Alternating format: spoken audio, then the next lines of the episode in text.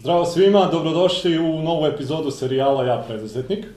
Moje ime je Đorđe Petrović, danas smo i domaćini i gosti, kao i uvek, u jednoj firmi koja je, što se tiče svoje industrije u kojoj rade, u ovom delu ne samo Srbije, nego Evrope, ovaj, broj 1.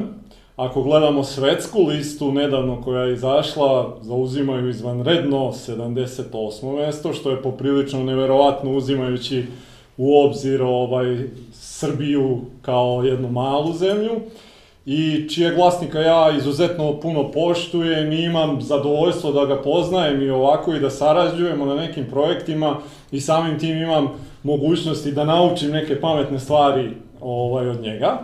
Tako da mi je izuzetno zadovoljstvo da vam predstavim gospodina Bojana Lekovića. E, zahvaljujem mu se i na vremenu, znam kako je on kad dođe ovde u Srbiju, to je ovako uvek onako stisnut raspored, gužva je, zahvaljujem mu se što je odvojio vreme ovaj, za nas.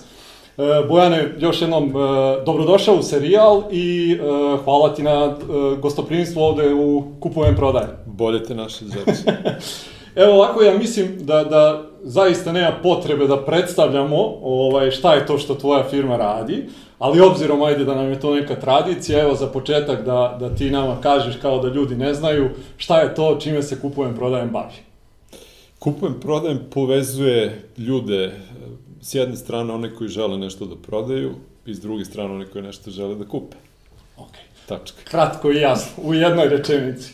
Ovaj, ono što nam je drugi, ovaj, e, da kažemo neki tradicionalni deo, je da se vratimo na sam početak i da onda krenemo polako da stignemo do ovih dana gde kupujem i prodajem danas, pa da se vratimo u 1973. je li tako? Da. Ovaj, I da čujemo nešto o tvojim e, tim dečačkim danima u Nišu, školovanje i to sve, pa da onda polako krenemo ovamo ka ovom periodu. Pa ajde, ajde, ove, prvih e, nekoliko godina ne mogu da se setim. Dobro. A, ja mislim nekako najranije sećanje su bilo nešto pred školu ili kad sam bio jako mali, ali ništa specijalno to nije bilo.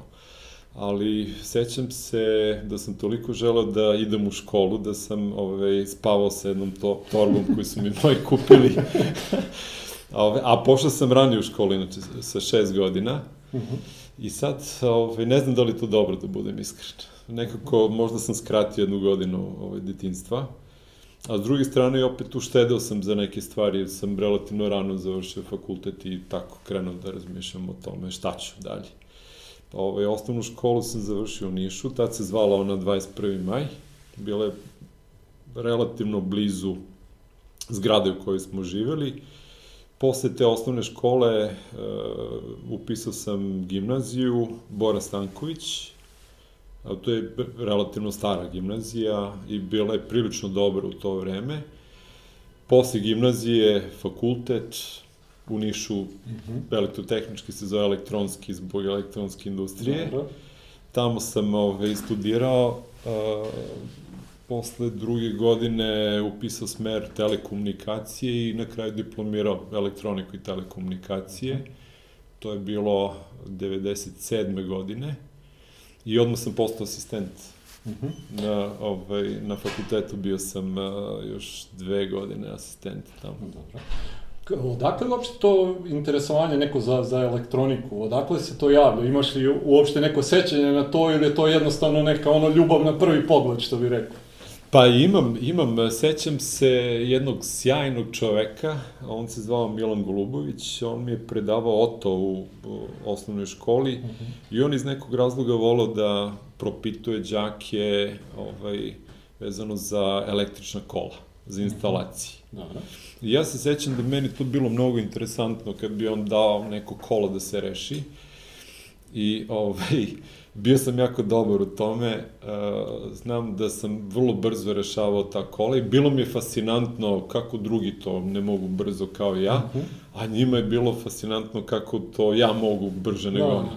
I ovaj, ja mislim da je to bilo prvi put da sam se sreo sa uopšte elektrotehnikom i, i onda su prošle godine, ja se nisam bavio time uopšte, negde u srednjoj školi sam ponovo pred kraj ovaj, razmišljao o tome šta bi volao I onda znam, jedan drugi osjećaj je bio, a, to je vezan za struju, vrlo abstraktno nešto, znači može da te ubija, ne vidiš. Mm ovaj, I ja sam volao tako abstraktne stvari, činilo mi se nekako vrlo cool mm -hmm. da studiram uh, elektroniku. Dobro. I tako sam i upisao taj fakultet. Dobro. Znači, po završetku studija ostaješ još dve godine kao asistent Još dve i po godine sam bio, da, ove, na katedri za elektroniku. To je bilo interesantno ove, zato što sam u suštini sam sam nekako dogovorio da se to desi. E, profesor, e, jedan koji je predavao jedan predmet e, koji se zvao projektovanje računarskih sistema, je bio jako interesantan zato što se prilično bavio praktičnim stvarima. A kad se studira ove nešto, barim ja tako ovaj, zamišljam studije, um, obično ljudi imaju problem da nađu praksu. Obično su studije teoretski. Da, da, da. I, ovaj, I u to vreme to bio problem. I ja sam stalno tražio negde neki način da nešto praktično ovaj, naučim. I ovaj, taj profesor je bio vrlo, Milun Jeftić eh, se on zove, bio je vrlo interesantan zato što je imao neke vrlo praktične projekte za industriju. I ja sam kod njega jednom prilikom ovaj, izneo sledeći predlog. Profesor, ako ja kod vas radim diplomski, kakva je šansa da ostanem posle kod vas kao asistent? Uh mhm. -huh. Njemu se to svidalo jako. Uh mhm. Tako da sam ja kod njega uradio diplomski koji je bio vezan za uh, senzore temperature. To su u to vreme bili napredni smart senzori koji se kače na, na mrežu i na, ovaj, na internet. I to je bilo jako interesantno za razne industrijske namene.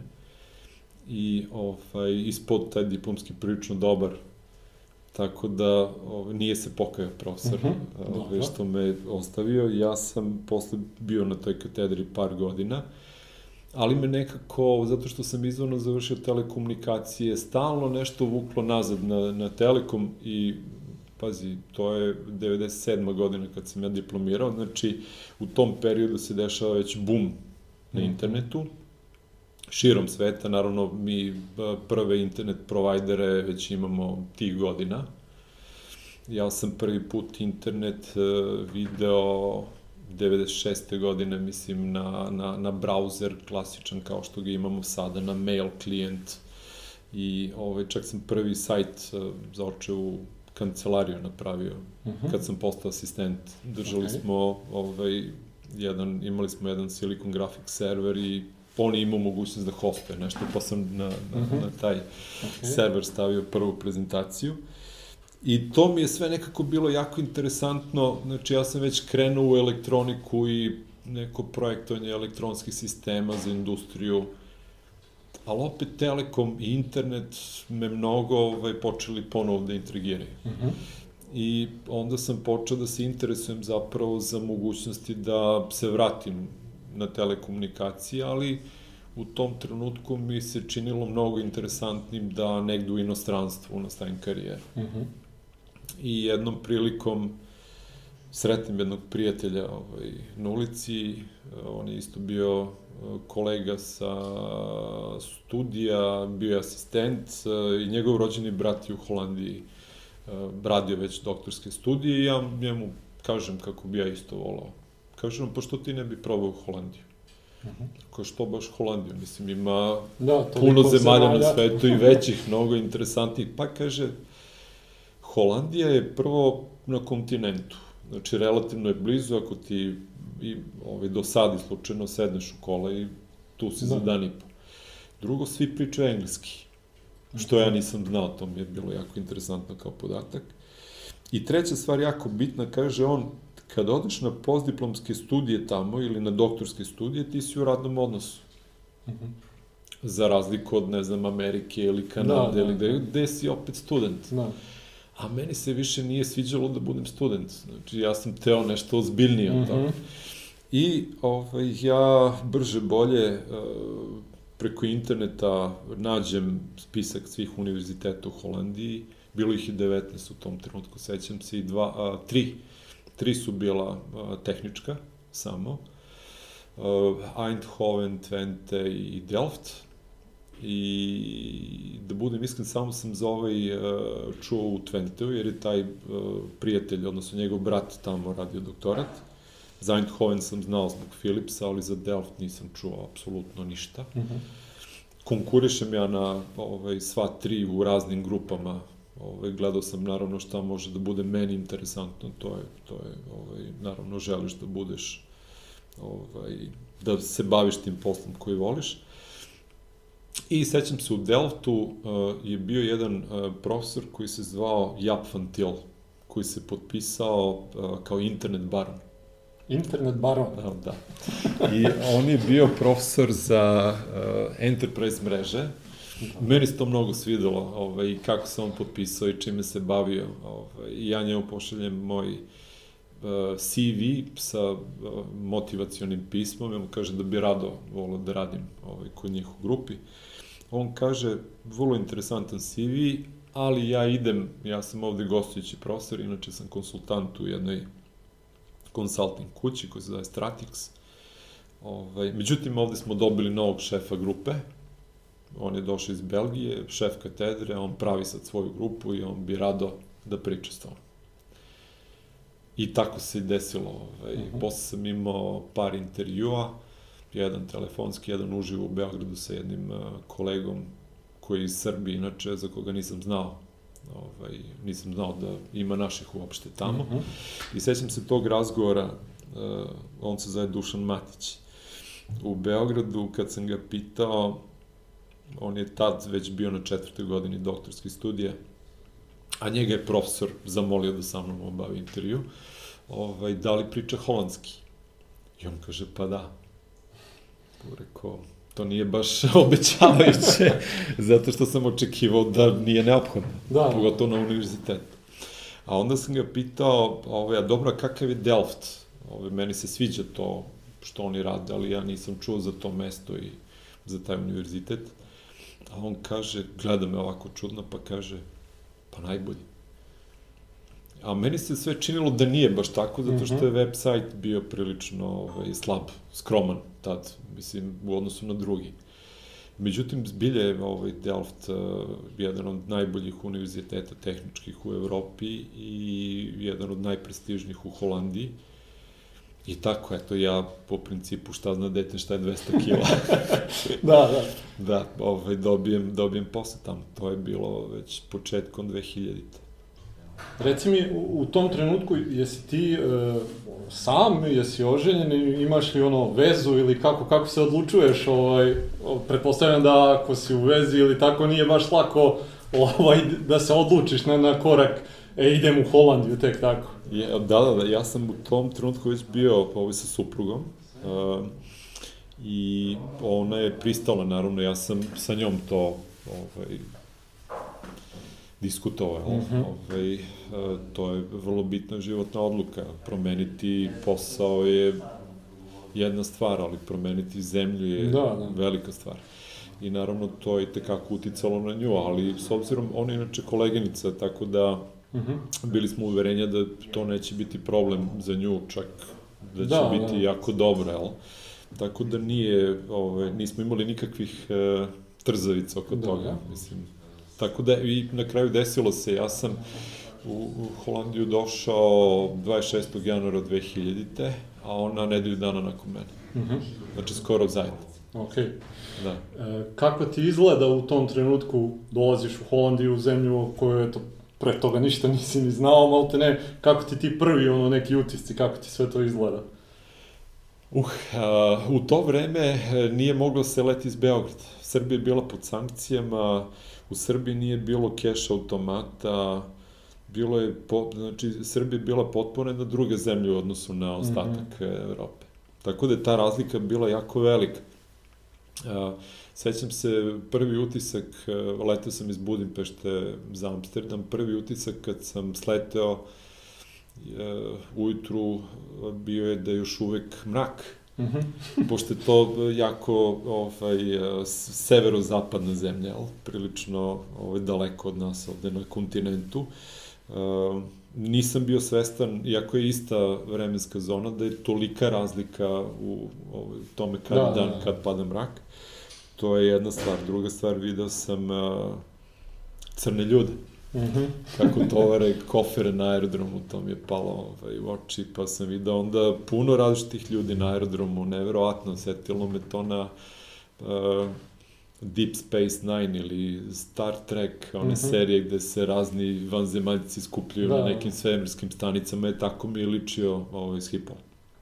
Pa onda Oz, e, sećam se, ja sam imao neko upustvo od štampano, sebi sam ga oštampao da se snađem, jer sam mm -hmm. morao da presedam iz, e, iz, e, kad sam putao iz, sa Schipola, sa aerodroma ka, ka Delftu. Recimo, nisam znao da je Delft odmah pored Haga. Mm -hmm. Ovaj, srećna okolnost je Holandija u suštini jedna prilično mala i kompaktna zemlja u kojoj ima puno stanovnika, ali da u suštini ništa nije daleko. Da. Tako da je taj voz prilično brzo stigao s tim jednim presedanjem u Leidenu ovaj, u Delft i sećam se da sam kroz prozor gledao i divio se uh, kompanijama koji su manje više pored autoputa, sad znam, Hofdorp, uh, Leiden i tako puno mm -hmm. tih mesta pored, uh, pored autoputa. Ima jako puno firmi, one ističu svoje, ponosno svoje logotipe I to mi je tako bilo fenomenalno da vidim da, da to sve buja. Da. Ovaj, I onda naravno dolazak u Delft, to je jedan prelep uh, mali gradić, uh, železnička stanica, jako stara kao iz filmova. Sve mi to bilo fascinantno. I tad sam naravno morao da uzmem taksi da bi otišao do uh, hostela u kome sam bio. To su mi sredili na univerzitetu I sećam se kako mi je taksista poželo uspeh. Aha. To mi je bilo jako prijatno. Znači, čovjek koji me ne zna, vidi me prvi put i vratno zadnji put u životu, no. se naklonio i ovaj, poželio mi uspeh. Iako nije znao šta ću ja ovaj, da radim i tako. Ovaj, odno mi se svidalo to ljudi. A da, još jedna stvar, u agenciji od, gde sam trebao da uzmem ključ od tog stana u hostelu, žena mi je rekla kako je se čini, kako je nekad ranije čula moje prezime. Uh mhm. -huh. Vrlo neobično. Mislim, strano prezime u Holandiji, ali svejedno, opet jako lep osjećaj da, da neko ti daje podršku u suštini mhm. -huh. tim sitnim stvarima i slušaj, nisi ti ovde ni toliki stranac, ni da. toliko čudan, ovaj, primamo te drugim rečima. Uh mhm. I ovaj, sećam se, znači sve mi je bilo jako interesantno tog dana. Uh, moj novi šef, uh, koji je bio šef katedre, on je shvatio da sam u šoku uh mhm. -huh. i dao mi je nedelju dana da razgledam okolo. Tako da sam ja išao, ovaj, obilazio razne stvari. Neko vreme sam provodio na toj železničkoj stanici da gledam kako vozovi idu. Uh, da vidim kakav je princip uopšte, da, da. jer radili, oni dan danas rade malo drugačije nego što mi zamišljamo kako rade vozovi. I ovaj, a, banku sam morao da nađem, morao sam puno stvari da rešim tih nekoliko dana prvih, morao sam da odem u poresku službu, morao sam osiguranje da, razne osiguranje da sklopim i tako. Brzo mi je palo u oči to što je svuda sve na holandskom i što ništa nema na engleskom, nažalost. -hmm. Znači, tu sam bio u jednoj velikoj zabludi i to sam odmah otkrio. I sad, onaj moj e, kolega koji me intervjuisao se pojavio naravno na poslu i postao mi jako dobar prijatelj, Dule Matić, kaže on, Bojane, kad sam mu donao pismo jedno koje sam dobio od, ne znam, neke instance, ovaj, i gledao u njega bespomoćno, jer on zna holandski, ja ne, on kaže, znaš šta Bojane, ti moraš to pre naučiš holandski. Uh mhm. -huh. Sad ili nikad. da, da. kako, majko, kako sad ili nikad. I ovaj, na njegov eh, nagovor uh, sam upisao ja jedan kurs za rapidno učenje holandskog jezika koji su oni uh, organizovali pri univerzitetu. Bio je skup, bio je vrlo intenzivan, To je bilo četiri dana nedeljno. Uh, recimo da je pauza bila sredom, ponedeljak, utorak, četvrtak, četvrtak i petak. Kada bih ga radio, znam da mi je trošio 12 sati dnevno. Znači, ujutru uh, i uveče sa uh, više satnim pripremama, svakog dana smo otprilike stotinu novih reči učili. Imali smo svakog dana dva puta testiranje. Ko nije bio u stanju da prati, tog bi izbacivali sa tog kursa. Uh mhm. -huh. A ideja je bila, uh, tih ljudi koji su napravili taj kurs, inače posle sam saznao da su i ponosni na njega i da postoji jako dugo i da je e, naučno baziran da zapravo čoveka koji ne zna holandski za šest meseci spremi da studira na holandskom. Aha. I to je pet uh, otprilike tih kurseva on, taj, uh, su oni imali u paketu, ali mi je o, moj prijatelj Dule skrenuo pažnju da jedan nije dovoljno, da bi morao dva da završim, naravno preko toga već nije, nije realno, da sam morao da radim. I ovaj, kaže on, sa jednim vraćat ćeš se na engleski. Vidjet će ljudi da ti je slab holandski, da ćeš morati da ovaj, morat će ti pomogu. A sa dva već imaš šanse da propričaš. Tako da sam ja uradio ta dva i ovaj, mogu ti kažem tad uh, samim tim jednu veliku stvar uradio za sebe. Da, da. Sam naučio holandski mm -hmm. jako brzo. Niko nije, da kažem, iz mog okruženja verao da to može tako da. brzo, jel? da počne da se priča. Čak sam ovaj, pre počeo da pričam nego što sam počeo da razumem, što je obično kad učiš jezik da, obrnuta stvar. To je dobra stvar i loša stvar je što sam se ovaj, odmah uh, u suštini uh, zakačio s mojim šefom. Aha. I tu smo imali prvi ozbiljni komunikacioni problem. Ja inače puno, puno tih problema ovaj, jednostavno nisam bio svestan to su kulturni problemi, problemi uopšte nepoznavanja druge sredine i tako, uh -huh. znači, na svu sreću ko zna kako bi se ubedačio sad, ove, tada. Da, da. I, ove, ali zašto smo imali on i ja komunikacijani problem? Zato što ja sam podrazumevao da on, pošto radi na univerzitetu, zna da taj kurs na univerzitetu, koji organizuje njegove kolegije, uzima celo radno vreme. A on to nije znao. -huh. I on je samo video Bojana kako ide negde, ali ne dolazi da, na posao, da. tako. Tako da ga je to prilično pogodilo, znači kivo da se ja odmah krenem da bavim naukom, međutim to je bilo nemoguće, znači ja sam morao da se bavim životom u toj novoj da. zemlji, pa onda tek naukom. I, ovaj, I tek kad sam počeo malo da pričam holandski, kad je on video efekte tog kursa, on, ovaj, sećam se, posle prvog, eh, on je rekao, slušaj, ovo tako dobro, platit ću ti drugi i daću ti vreme i nemaš mm -hmm. problem s tim.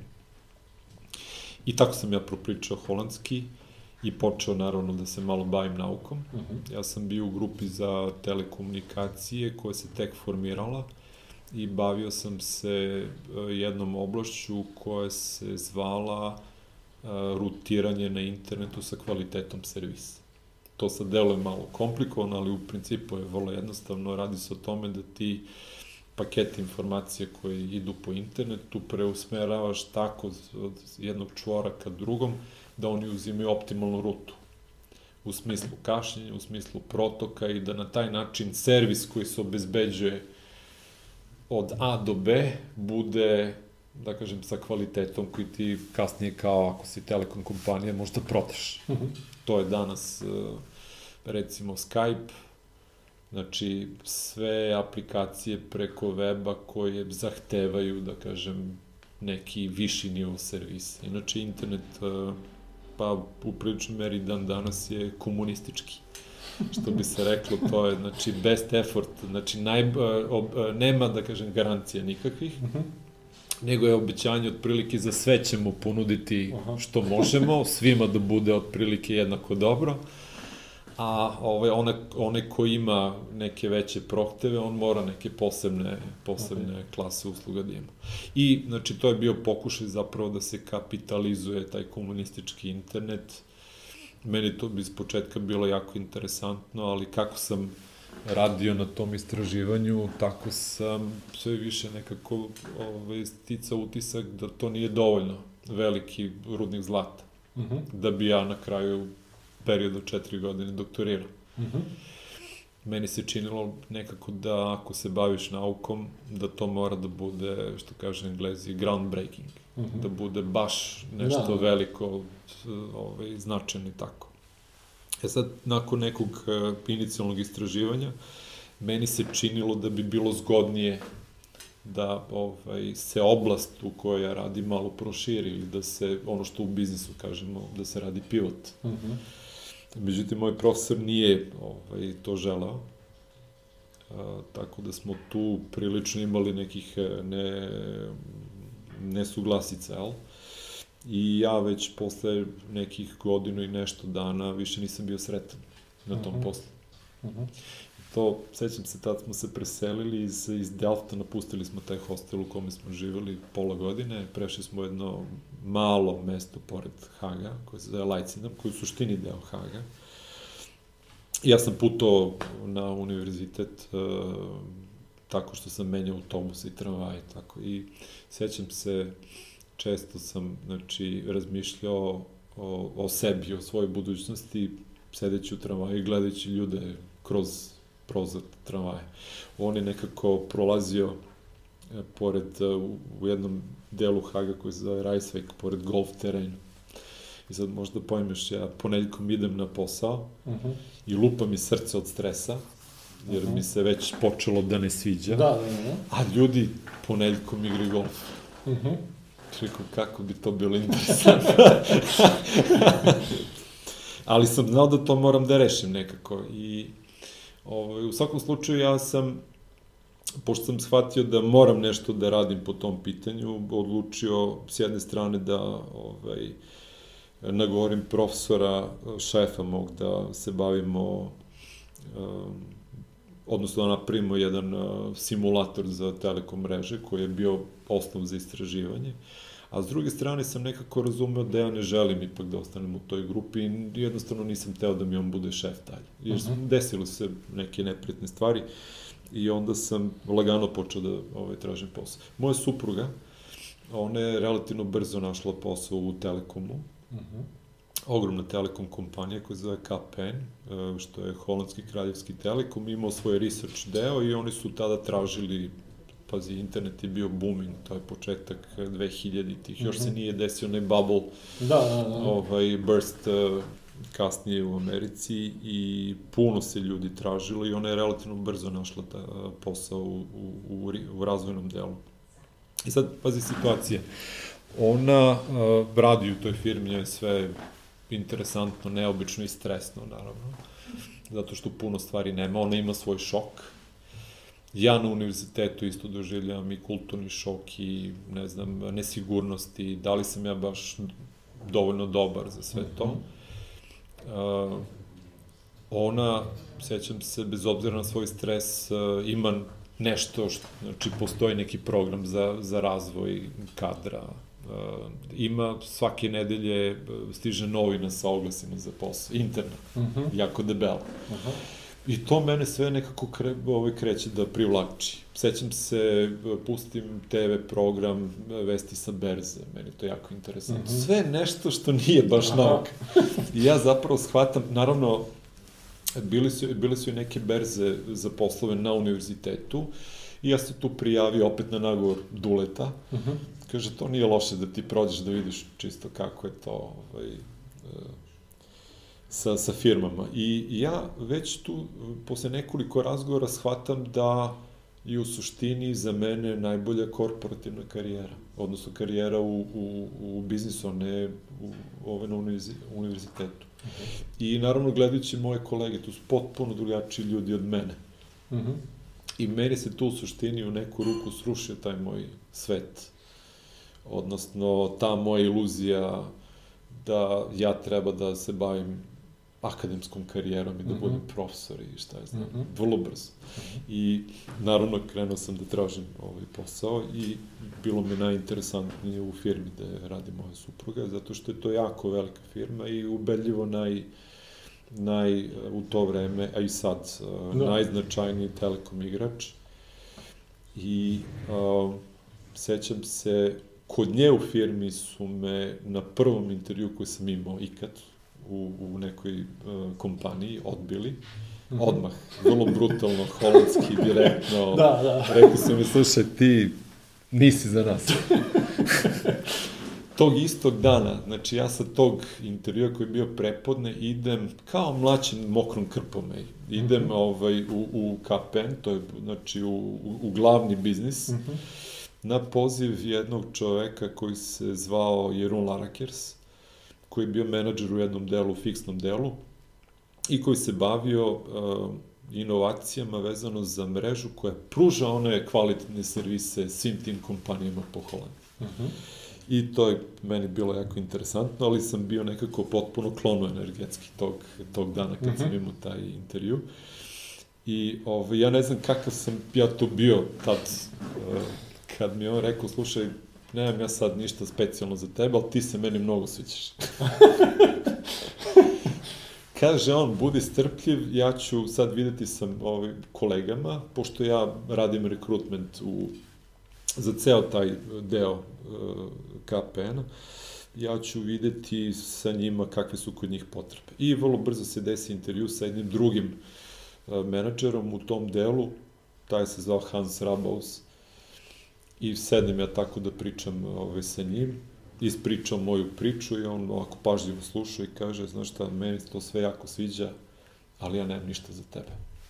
Ajde vidjet ću ovaj, sa kolegom i tako od kolege do kolege, tek peti, uh -huh. uh, menadžer, uh, on se zvao Leindert Klimmerfein, ovaj, imao posao za mene i mi smo dogovorili zapravo da ću ja da počnem da radim kod njih. I onda im je trebalo, pazi, e, znači to je sve bilo 2001. godine.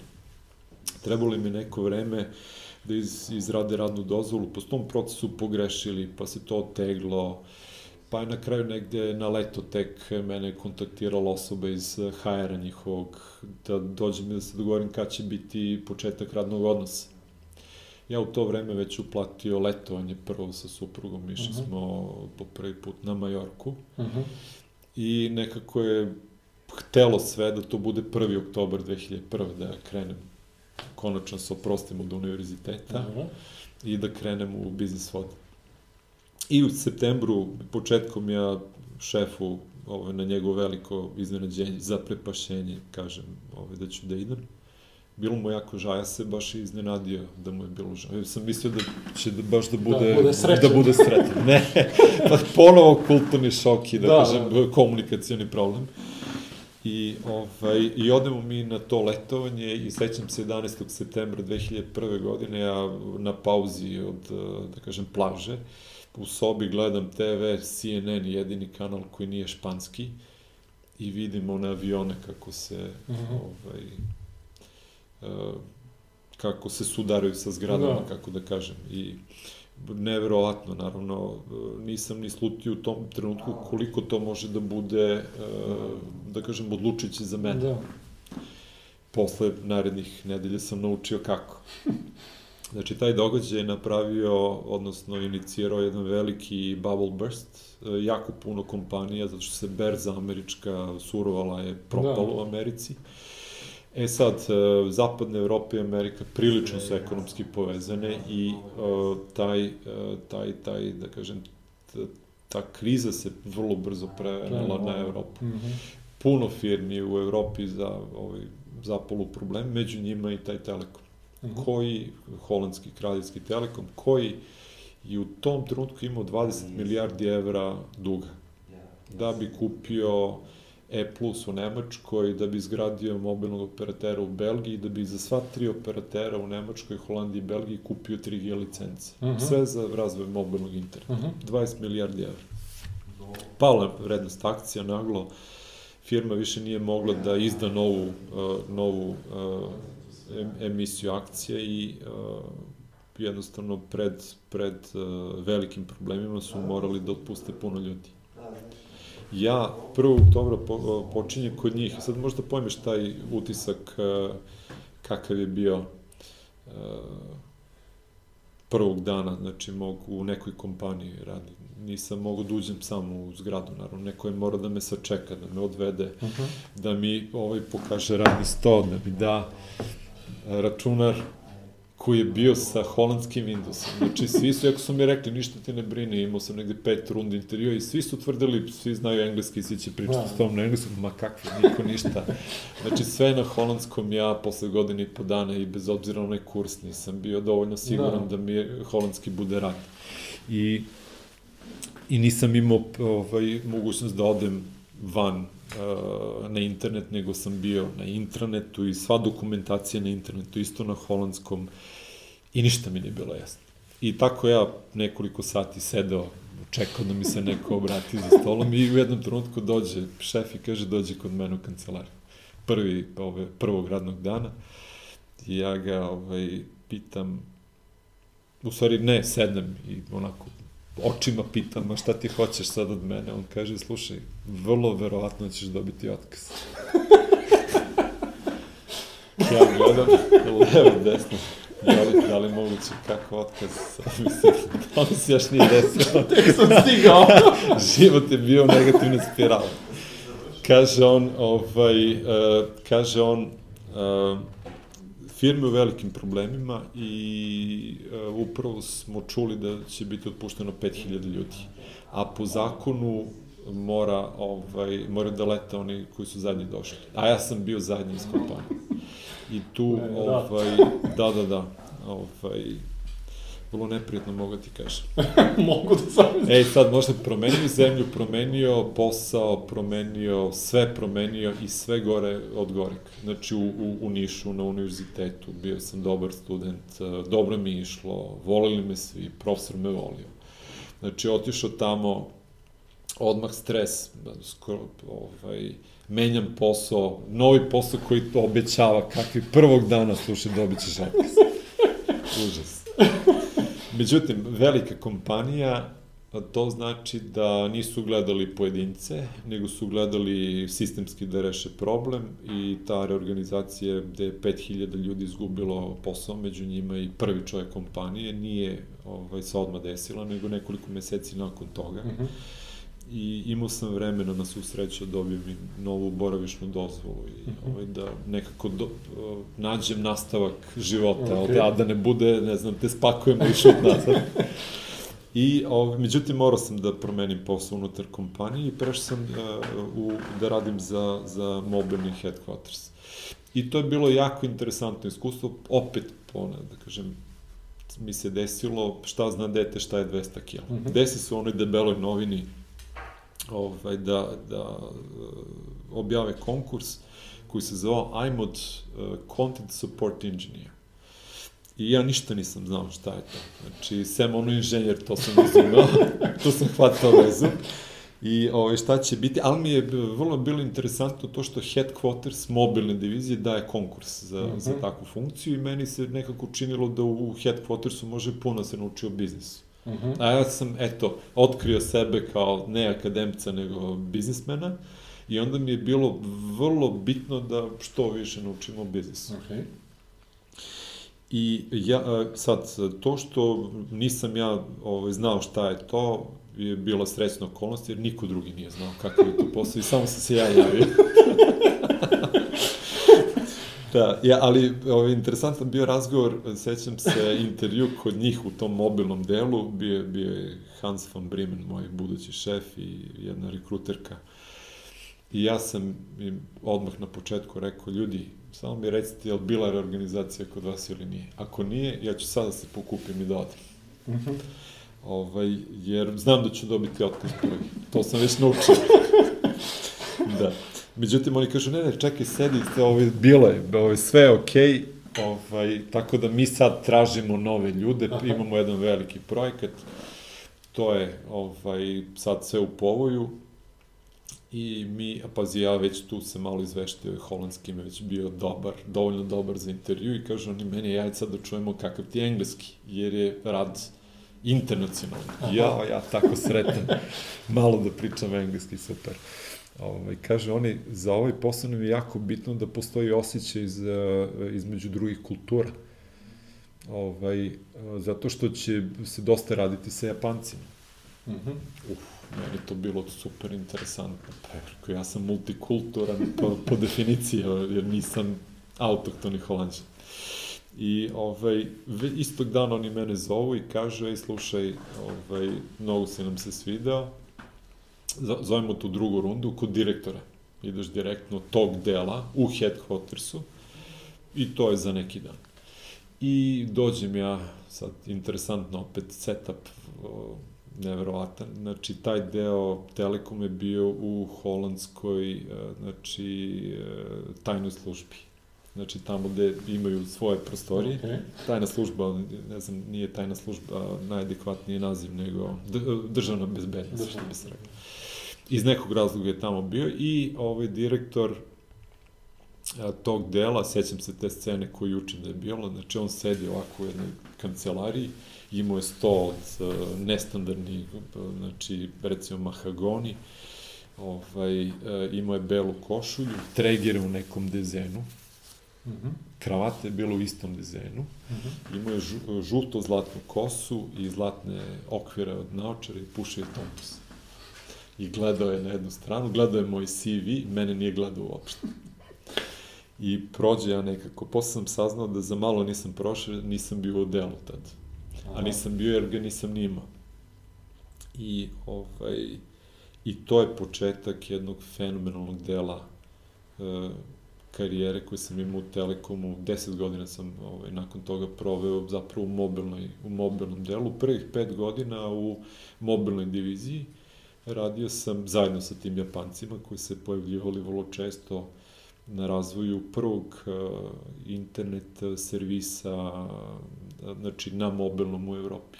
To je bio prvi ekosistem zapravo, bilo je tehnologija mm -hmm. u mhm. to vreme, ali one nisu bile dovoljne da bi ti od, od njih od tih puzli, da kaže, napravio komercijalno uspešan servis. Bio je VAP, ali to niko nije uspeo da komercijalizuje u to mm -hmm. vreme.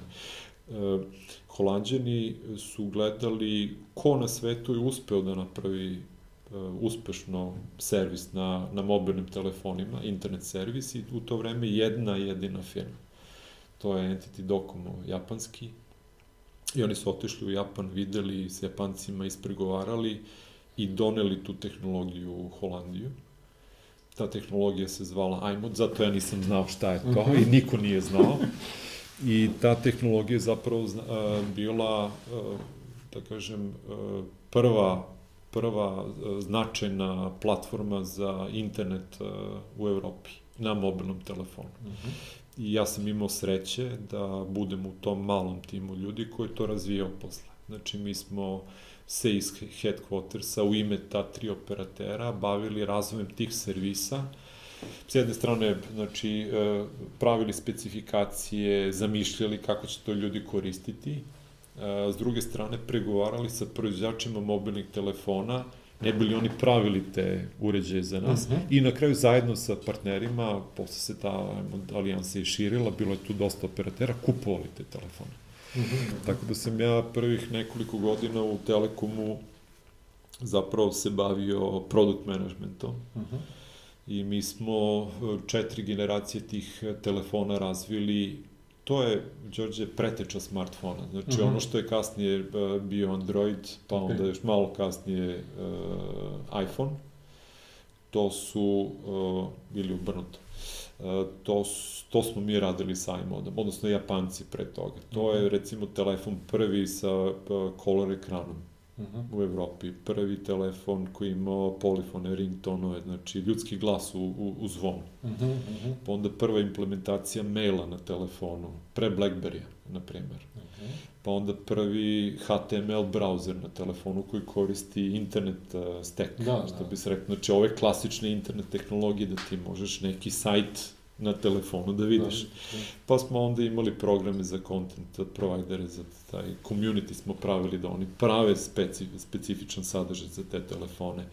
Jako puno servisa je bilo, pa se ljudi pred, uh, pretplaćivali na te servise. Mm -hmm. To je mhm. jako, jako interesantno i vrlo uspešno bilo dok se nisu pojavili vrlo moćni telefoni, smartfonovi, koji su počeli zapravo da onaj normalan internet koji mi znamo guraju -hmm. odnosno renderuju, jel? Mm -hmm. I onda više nije bilo ni neophodno imati neki, da kažem, specijalno spakovani uh, internet koji se zvao iMod. To je, eto, u prvih pet godina četiri generacije telefona, ja znam, 36 modela smo mi razvili, ja sam radio na njima, mm -hmm. to je preko 2 milijarde evra smo mi zajedno i kupili tih telefona kao operateri i fascinantno iskustvo sa Japancima, ovaj, vrlo često. Sećam se, vrlo brzo, ovaj, moj šef koji me primio, dobio otkaz, samo bi prestao da se pojavlja. To je inače tako na zapadu. Mm -hmm. Znači, koliko god da ste dobri koliko god da mislite da ste, ne znam, šampion, opasnost vreba. Mhm. -huh. Znači, sutra, prek sutra možda se desi nešto, dođe neki tsunami, velike re- reorganizacije ili nešto niste, da kažem, kliknuli šefu Uh -huh. I nemate više posla. Uh -huh. Tako da ne postoji individualni heroizam i ne znam, Da. da, da si zvezda pa će neko da te drži, apsolutno ne. I sad se vratim na ovog šefa koji je nestao, meni to opet vrlo neprijatno zato što nema ko da me uvede u posao tih prvih dana i pojavio se jednog dana jedan japanac Šići na kata. Ušao u moju kancelariju i rekao, ti mi trebaš. I ja opet Već imaš ono ja- traume da. iz prošlosti. ja, kaže on, slušaj, ti ćeš da budeš ovde zadužen za tehnološki know-how transfer, znači ja sam uh, iz Entity Dokuma, a mi po licenci treba vama da dajemo znanje, a ti ćeš tvojoj organizaciji da daješ znanje. Ja ništa ne znam.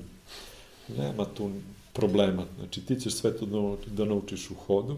Oblast koje, kojom sam se ja bavio u tom trenutku su bili content provideri. To su svi oni koji nešto treba na internetu da urade da bi taj content Mhm. bio ovaj, na telefonu zadovoljavajući, ali se to posle proširilo i na telefone i na platformu samu. Ovaj, tu sam vodio razne projekte i vrlo ozbiljne i značajne projekte.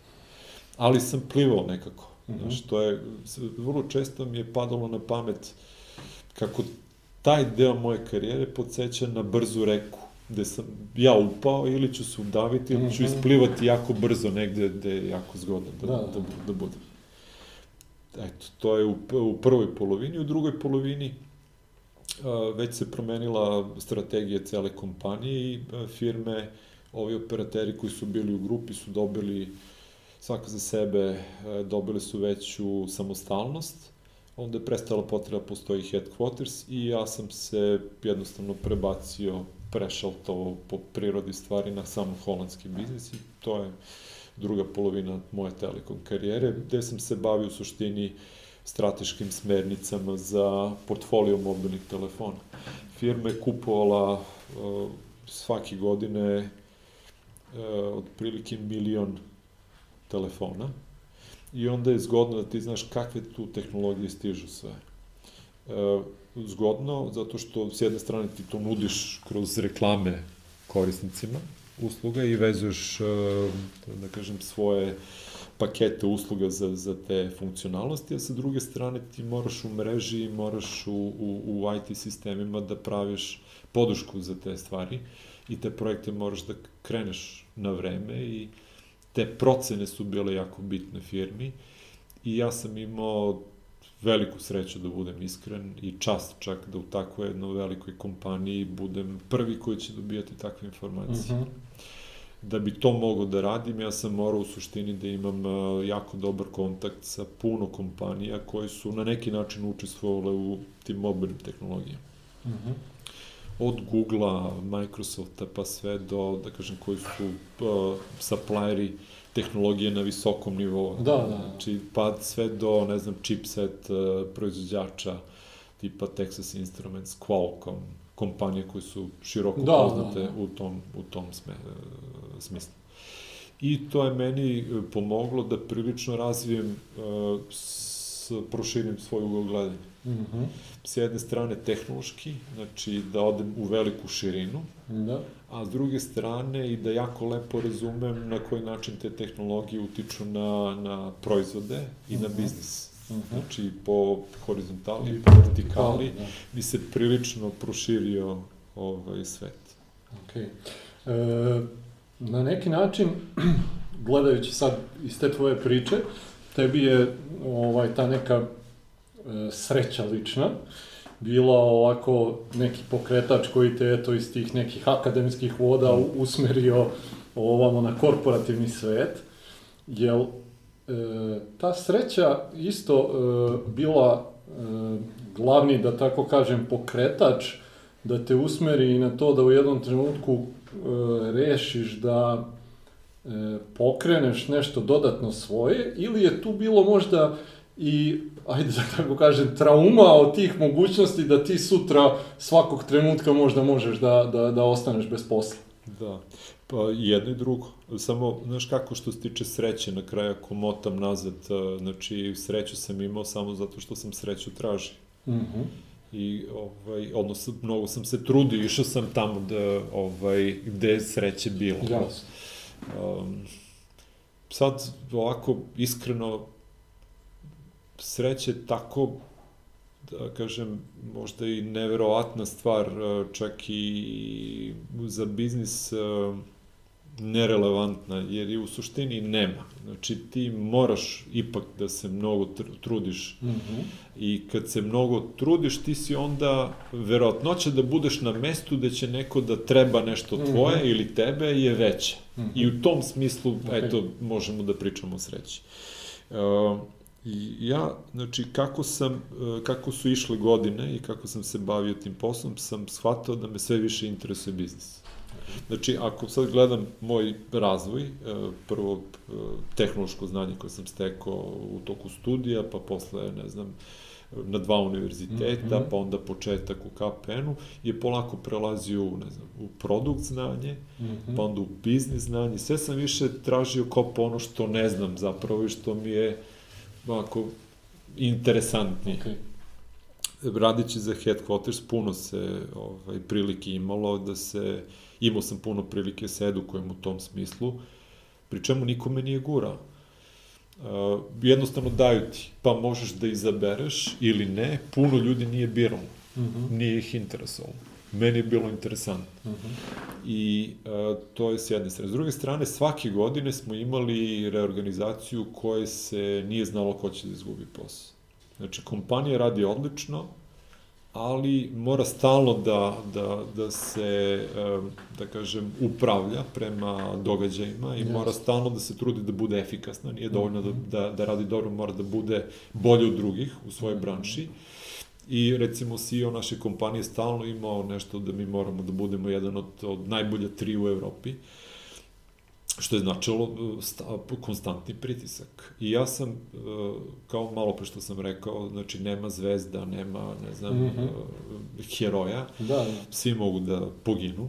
Ovaj, bio svestan toga da će doći trenutak kad ću ja da morati da odem. Mm -hmm. I to se i desilo na kraju, posle 10 godina oni su shvatili da ne žele više da budu inovativna kompanija, nego da žele da budu, ovaj, što kažu, konsultanti cash cow mm -hmm. krava muzara. Mm -hmm. I to nije pežurativno uopšte, to je čak vrlo uh, dobar poslovni model u, je, u nekoj fazi biznisa mm -hmm. čak neizbež, mm -hmm. pogotovo u Telekomu. I ja imam puno razumevanja za to što je kompanija promenila uh, strategiju i, i fokus, usled čega sam ja i još neki ljudi ovaj, koji su se bavili inovacijama i gledanjem daleko u budućnosti, ovaj, u suštini izgubili posao.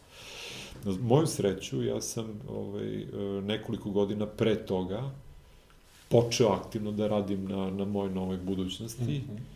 Dakle, u paraleli, radići taj posao, kompanija je naravno bila vrlo blagonaklona prema tome. Znači, tu isto moraš da budeš načisto. Znači, da li firma podržava tako nešto ili ne. Kompanija je vrlo blagonaklona u smislu da baštini startup kulturu, da jednostavno želi da njihovi ljudi budu ambasadori brenda, da jednostavno to bude ovaj, i prilika možda za investiranje kako god. Uh, jedino naravno što ti moraš da vodiš računa, to ne sme nikako da bude konflikt uh, interesa. Mm -hmm. I toga sam bio svestan i faktički u mom slučaju to ni, nije moglo zato što sam ja već tada se opredelio da to bude nešto, moj privatni biznis, da bude mm -hmm. u mhm. Srbiji a ne u Holandiji. Okay. I naravno mora apsolutno da bude moje slobodno vreme. I uh, u Srbiji, što? Zato što uh, moje porodice ovde, moj brat, inače, s kojim sam počeo sve ovo, mm -hmm. uh, je čovek koji je izuzetno preduzetan i ovaj, koji me i prilično i poterao da mm -hmm. razmišljam okay. na tu stranu. Uh, on, ovaj, kad god bi došli na odmor, eh, mi, on bi stalno pričao, je, vidi ovo, ovo je interesantno se radi, ajde on. Znači, kako sam ja razmišljao o korporativnoj karijeri, tako je on razmišljao o privatnom biznisu i nekako, kako su išle godine, a ja stalno dobijao podsjećanja da mm -hmm. mogu da okay. naglo završim korporativnu karijeru, to me sve u suštini više teralo mm -hmm. sve zajedno ka da kažem, tome da jednog dana ja budem, da imam svoj biznis. I uh, u trenutku kad sam ja napustio KPN, ja sam već tada imao, ovaj, već i tada uh, kupujem, prodajem bio jako velik, ne dovoljno velik da bi ja sad uh, mogao da se finansiram iz toga, mm -hmm. to je meni dalje bio hobi projekat, ali recimo za ljude ovde bio super da. i ovo, ja nisam ni želeo u suštini da opterećujem, da kažem, moju kompaniju mm -hmm. sa, mhm. da kažem, mojim platom. Okay. Što bio sam sigurno jedno 5-6 godina volonter u sobstvenih kompaniji. Okay. E, koje godine se tebi javlja uopšte prvo ta neka ideja i, i zašto baš ova ideja ovakva? Pa, znaš šta, vrlo rano, evo kad sam e, došao u Holandiju, 2000. znači ja sam vrlo rano morao da vidim e, šta mi je sve na raspolaganju da bi preživao. Mm -hmm. u Holandiji. I vrlo brzo su mi skrenuli pažnju da postoje jedan sajt koji se zove Marktplatz, koji je jako popularan i uh, na kome ljudi, preko koga ljudi trguju međusobno. I naravno sad ti kad krećeš, gradiš novi život, tebi je interesantno da vidiš šta ima od polovnih stvari, nećeš baš sve novo da kupiš da. i tako. Okay. Ovaj, I nije sad baš da sam kupovao polovne stvari, ali mi je bilo interesantno. I mnogo sam se oduševio kad sam vidio ovaj, kako je to sve funkcionisalo. U Holandiji tad bila inter, u internet smislu već vrlo razvijena. E, šta ti kažem, 2000. godine kad sam ja počeo novi život u Holandiji, ovde nije bilo ni jednog, e, ni jednog e, fizičkog kako bi to rekao, zgrade u kojoj radi osiguranje, ti možda odeš da sklopiš osiguranje tad je već moralo to isključivo preko interneta da, da se radi. I ovaj, i ja shvatim tad koliko je internet u suštini značajan i u tom mm -hmm. smislu, da će običnog čoveka da gađa, a ne samo neke, ne znam, nerdove ili, da, ili naučnike da, koji znaju da. nešto da rade na internetu ili da pretražu. I, uh, a onda, ovaj, posle, naravno to je bilo otprilike, ja sam ukačio taj značaj, ali ništa nisam radio po tom mm -hmm. pitanju, ali mi se stalno vraćalo to kako je to interesantno, kako bi to moglo da se radi i već u to, pa, pazi, prošle su godine, negde 2005. 6. se kod nas uh, u Srbiji uh, diže mm -hmm. ekonomija, klima postaje mnogo bolja za preduzetništvo. I prve naznake da će IT da bude jako interesantan mm -hmm. za tu rađe. Znači, firme već kreću da se pojavljuju kao pečurke male mm -hmm. posle kiše koje nude outsource usluge. Uh, ja nisam razmišljao o outsourcingu u tom smislu, nego sam teo da opet pratići moju želju vezano za biznis i, i, i glad koji sam imao tada da naučim biznis. Uh, smatrao sam da je zgodno da napravim nešto što ima nekog značaja za srpsko društvo, da to bude neki brend, da bude nešto poznato. I onda, pazi, ako imaš tu želju i ako znaš da je tako nešto uspešno u Holandiji, e, ajde da tako nešto napravimo i u Srbiji. Mm -hmm. I tako se rodila ta ideja.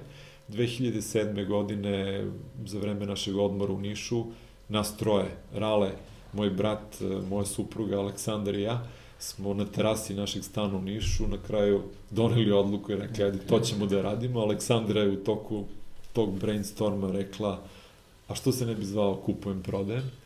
-hmm. Nam se to odmah jako svidalo. Ona, ona je dala ime. Ja sam registrovao domen, odmah čim se vratio u Holandiju.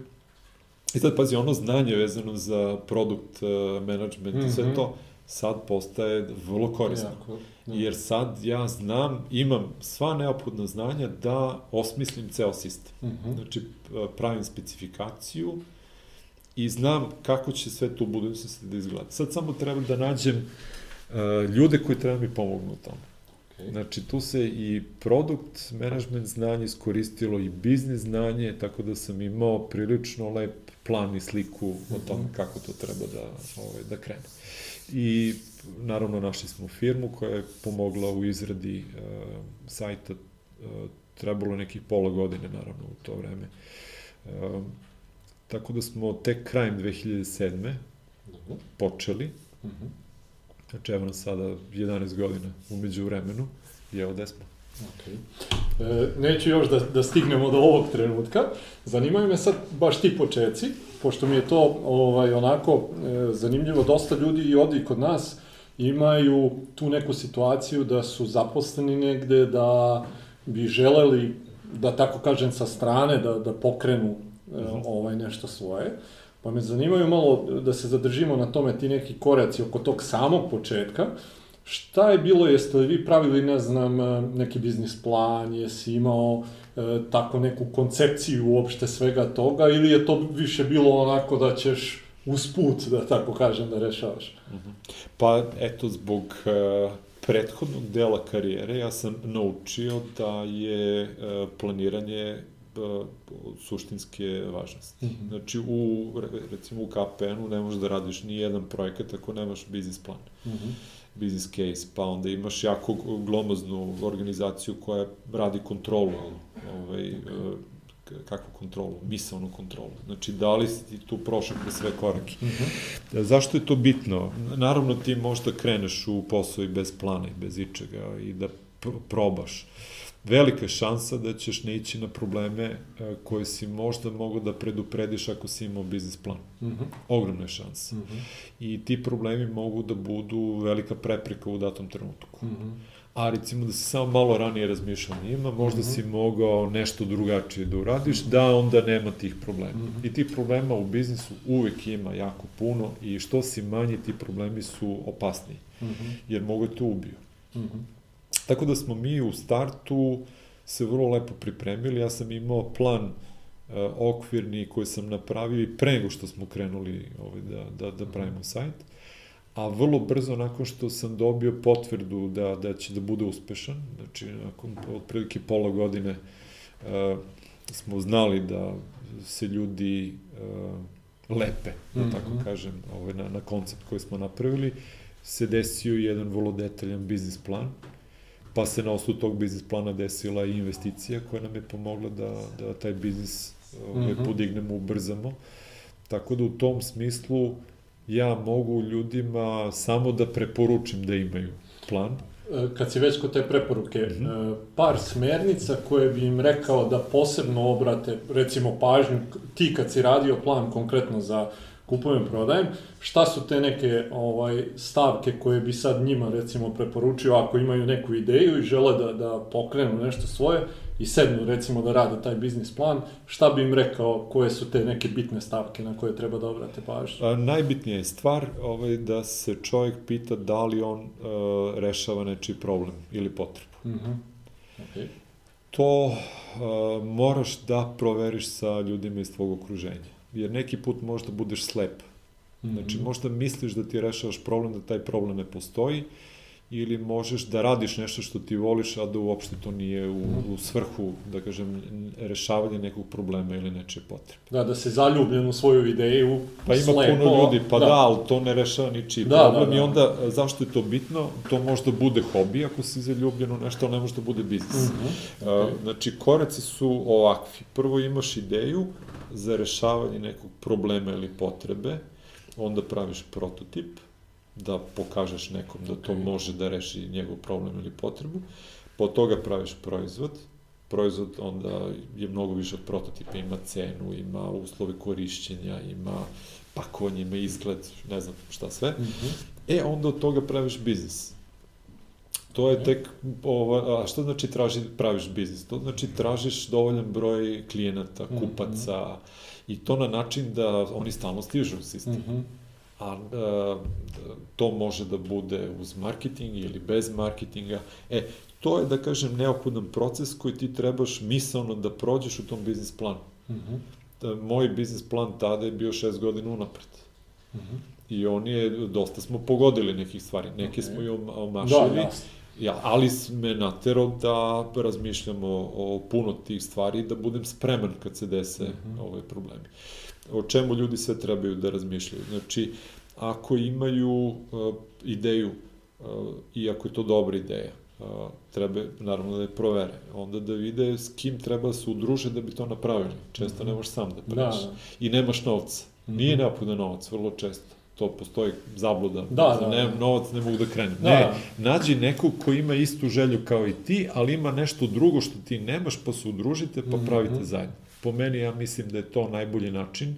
Vrlo često se ljudi udružuju po tom uh, osnovu I onda pa zajedno više ljudi bolje razmišlja, više ljudi pametnije od jednog čoveka i tako. E, onda ti gledaš kako da dođeš do, do klijenata, kupaca. Znači, vrlo bitna stvar je marketing. Kako ćeš ti da osvojiš tržište? Koliko je veliko to tržište? Koliko je realno da ćeš ti da ga osvojiš? Mm -hmm. Ko postoji na tom tržištu već, a rešava isti mm -hmm. problem ili potreba? Mm -hmm. Koje su slabosti? Mm -hmm. Koje su tvoje prednosti? Znaš, recimo, krenuti u biznis koji neko već radi ili koji postoji, to isto kao trkati se na 100 metara, a onaj e, Usain Bolt na 80 metru već, mm -hmm. a ti krećeš za njim, da, da. a on svetski rekorder. Da li to ima smisla? Mm -hmm. Ili recimo imaš jako veliki, veliko konkurenta, on je tank, a ti fiće. Mm -hmm. I stojiš preko puta njega i mm -hmm. nemaš okay. ni sa čime da pucaš. to. Znači, da li tako nešto pametno? To može svako da se pita. Da, da. Ako ne možeš baš sve da sagledaš, onda pite ljudi iz okruženja. Mnogo je bitno da ti ljudi, ljudi budu iskreni. Mm -hmm. a, da ti ne tapšu po ramenu samo da ti učine, ali da te mhm. ohrabre. Mm -hmm Zato što jeste da je neophodno ohrabrenje, ali e, neophodno i da ljudi budu ovaj, realni. Mm -hmm. I ta realnost uh, je posledica iskrenosti u suštini. Mm -hmm. Prema samom sebi ili prema nekom drugom. Znači, ako iskreno kažeš, mm -hmm. veće šanse. da, da, da. Reci mi, e, napravio si taj sad biznis plan, e sad ono što me zanima, treba ga sprovesti u delo.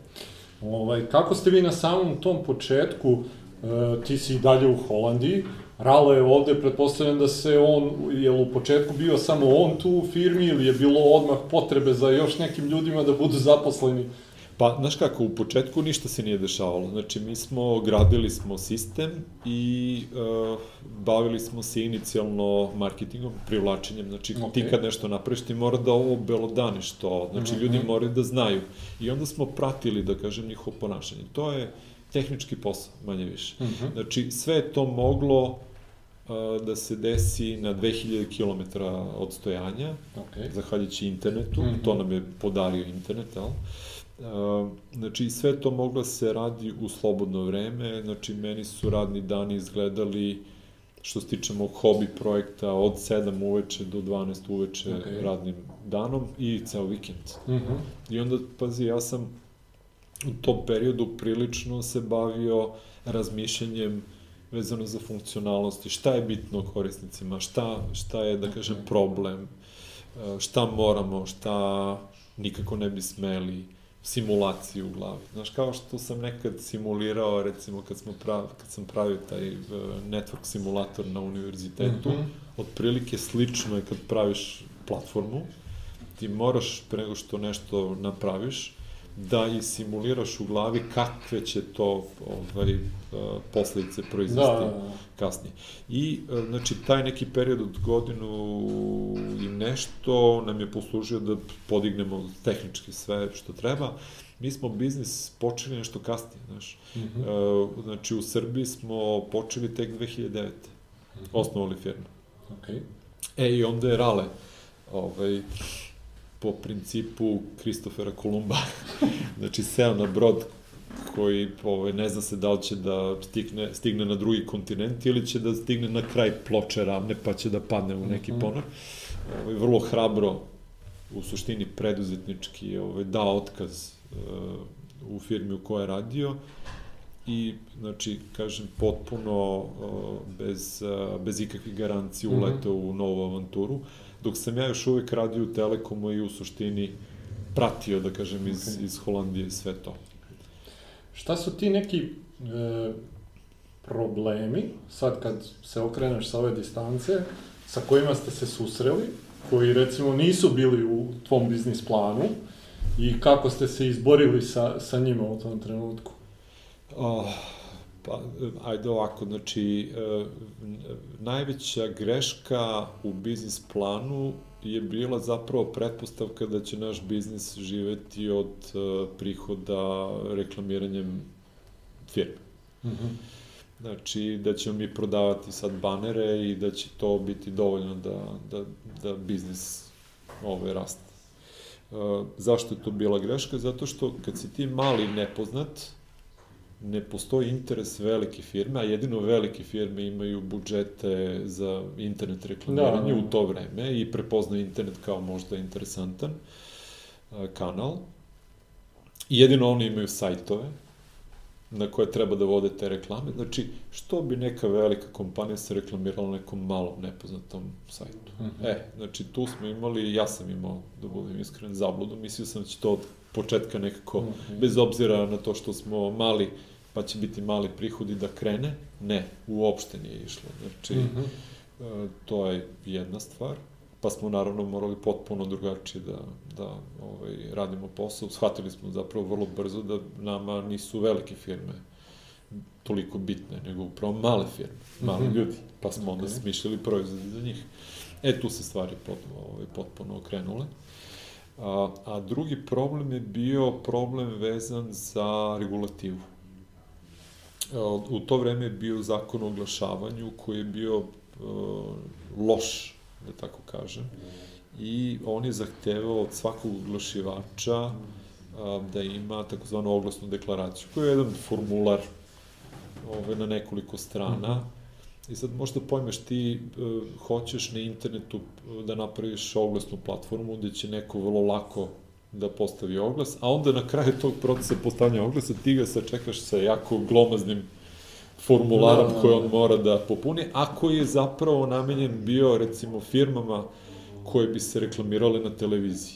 Sada reklama na televiziji je jedna stvar i tu i možda sedneš sad da popuniš taj formular na nekoliko strana i da ga daš, ne znam, televiziji, da uh -huh. oni imaju u svojoj arhivi, ne znamo zašto, A potpuno je druga stvar ako neko treba da mali oglas sad na, na internet platformi i da on sad pa isti takav posao mora da radi. Tako da tu je bilo ovaj, problema, međutim i ti problemi su rešeni, moram da istaknem da je tu prilično se poboljšala regulativa kod nas.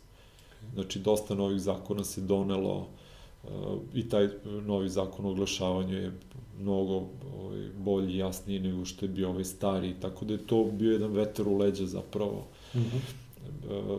Bilo je naravno puno i nedumice u početku, tipa da li e, ima dovoljno telefona mobilnih u, u Srbiji, a telefone smo smatrali zamenom za digitalnu kameru. Nije realno da svako ima digitalnu kameru ko će da slika stvari. A ideja upravo bila da ljudi ove, stavljaju slike na, na kupujem, prodajem svojih, da, da. svojih oglasa. Tako da tu je bilo, da kažem, nekoliko bojazni tih problema koje smo morali ovaj, da rešamo. Pa onda, naravno, tehnološ, tehničko-tehnološki problemi. Ovaj, evo, čisto kao opis, znači kupujem, prodajem danas, ima u toku meseca 200 miliona otvorenih strana. Mi smo prošle godine 20% ukupnog srpskog desktop saobraćaja proizveli. E, to je jedna vrlo moćna mm -hmm. infrastruktura. E, trebalo je nekako doći do te da, da infrastrukture. I sad taj proces je bio uh, vrlo nezgodan taj proces učenja, zato što nema uputstva, ne možeš ti da nađeš tako lako na internetu sad uh, uputstvo za arhitekturu takvog sistema. Da, da, da. da. To, zato što ih ima malo, relativno, i ti si pomenuo na početku razgovora, znači ima relativno malo jako velikih platformi i uh, puno stvari je vezano za, za njihov biznis su poslovna tajna.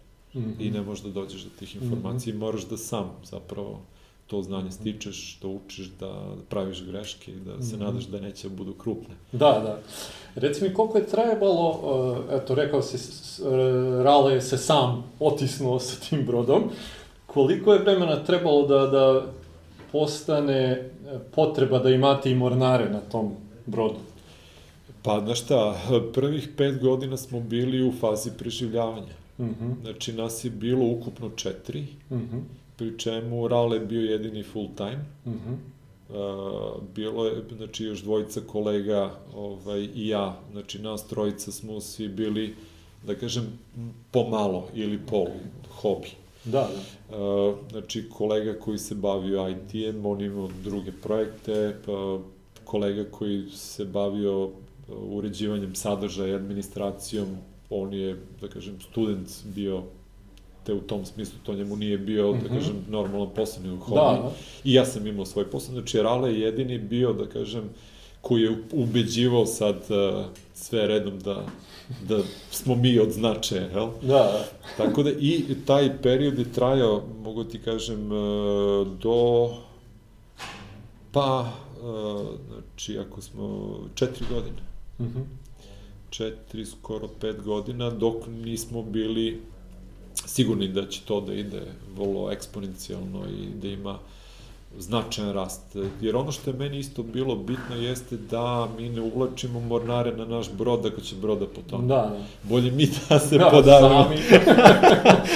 Nego da povučete da, još ljudi da, da, da, tako da tu je velika odgovornost bila od uvek i, i dan danas. Znači mi uh, s, uh, smo vrlo sa ljudima vrlo oprezni uh, u smislu da jedino ako imamo strukturnu potrebu, mm -hmm. onda zapošljavamo i onda smo, da kažem, i prema tim ljudima vrlo lojalni.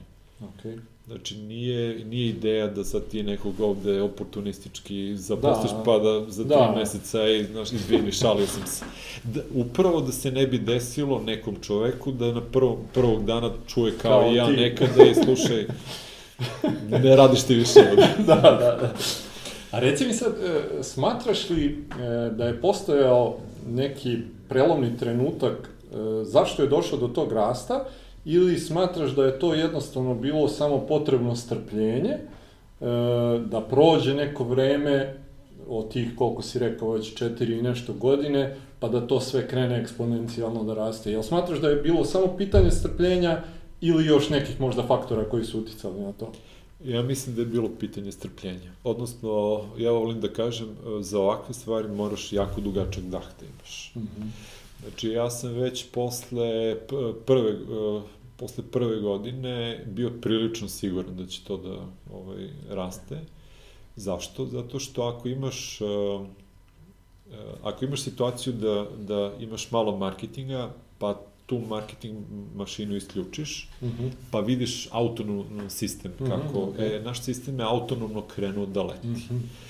I sad na internetu je situacija takva da ako ti je proizvod dobar, onda on ima da raste autonomno i eksponencijalno, ako je proizvod loš, onda će jednostavno kao avion bez goriva da mhm. sleti negde. Ili će da se polomi skroz, ili će negde da sleti onako tiho i posle nekog vremena i to je to. Međutim, pošto smo imali rast, ja sam bio prilično siguran da je to ovaj, već znači posle prve godinu dana da će to okay. da bude jako uspešno. Da. Ali svakako znači trebalo je skoro pet godina da prođe, da to sve, sad taj rad i sve to što ste vi uložili počne da donosi rezultate. Pa da, ja sam se stalno prispitivao. Znači, ja sam s jedne strane bio prilično siguran, a s druge strane ti opet... Uh, Crv sumnje, onako. Pa ne, ne samo to, nego, pazi, vrlo je specifično. Uh, znači, Srbija je relativno mala zemlja. Mm -hmm sa relativno siromašnim stanovništvom u odnosu na zapadnu Evropu.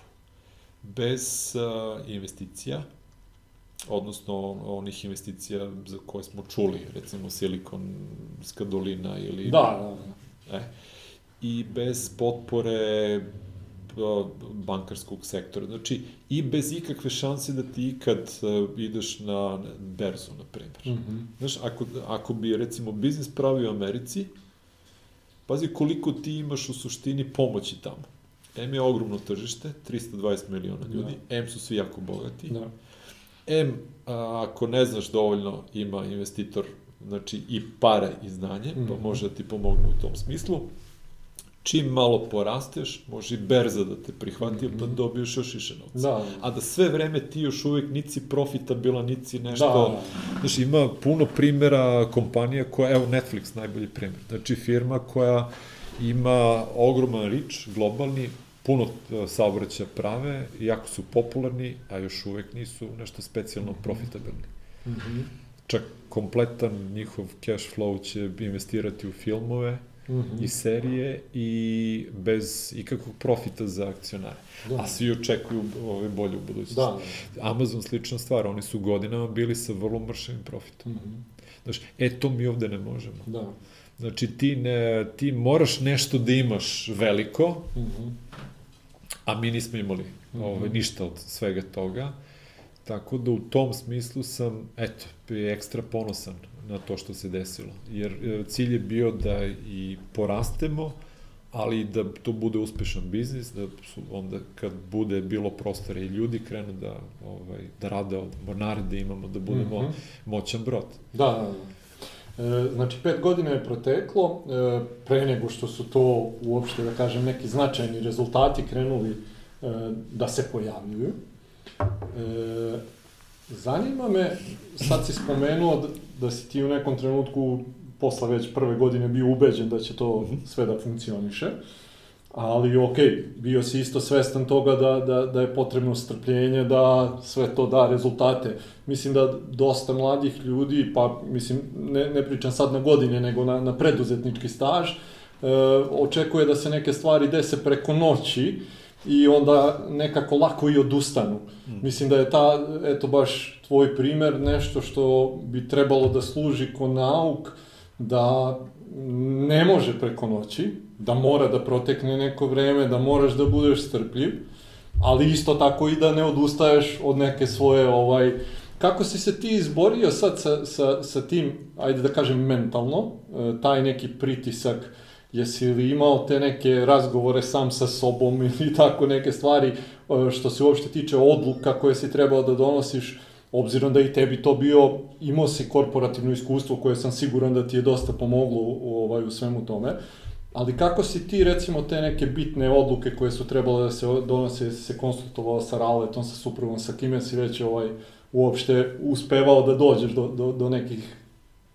Pa, znaš kako, najviše nas dvojica. Mm -hmm. Zato što je njegov osjećaj ovde na terenu mm -hmm. meni jako značajan input. Mm -hmm. S druge strane, svo moje znanje koje sam i uopšte situacija, znači ti živiš u Holandiji koja je jedna izuzetno napredna zemlja.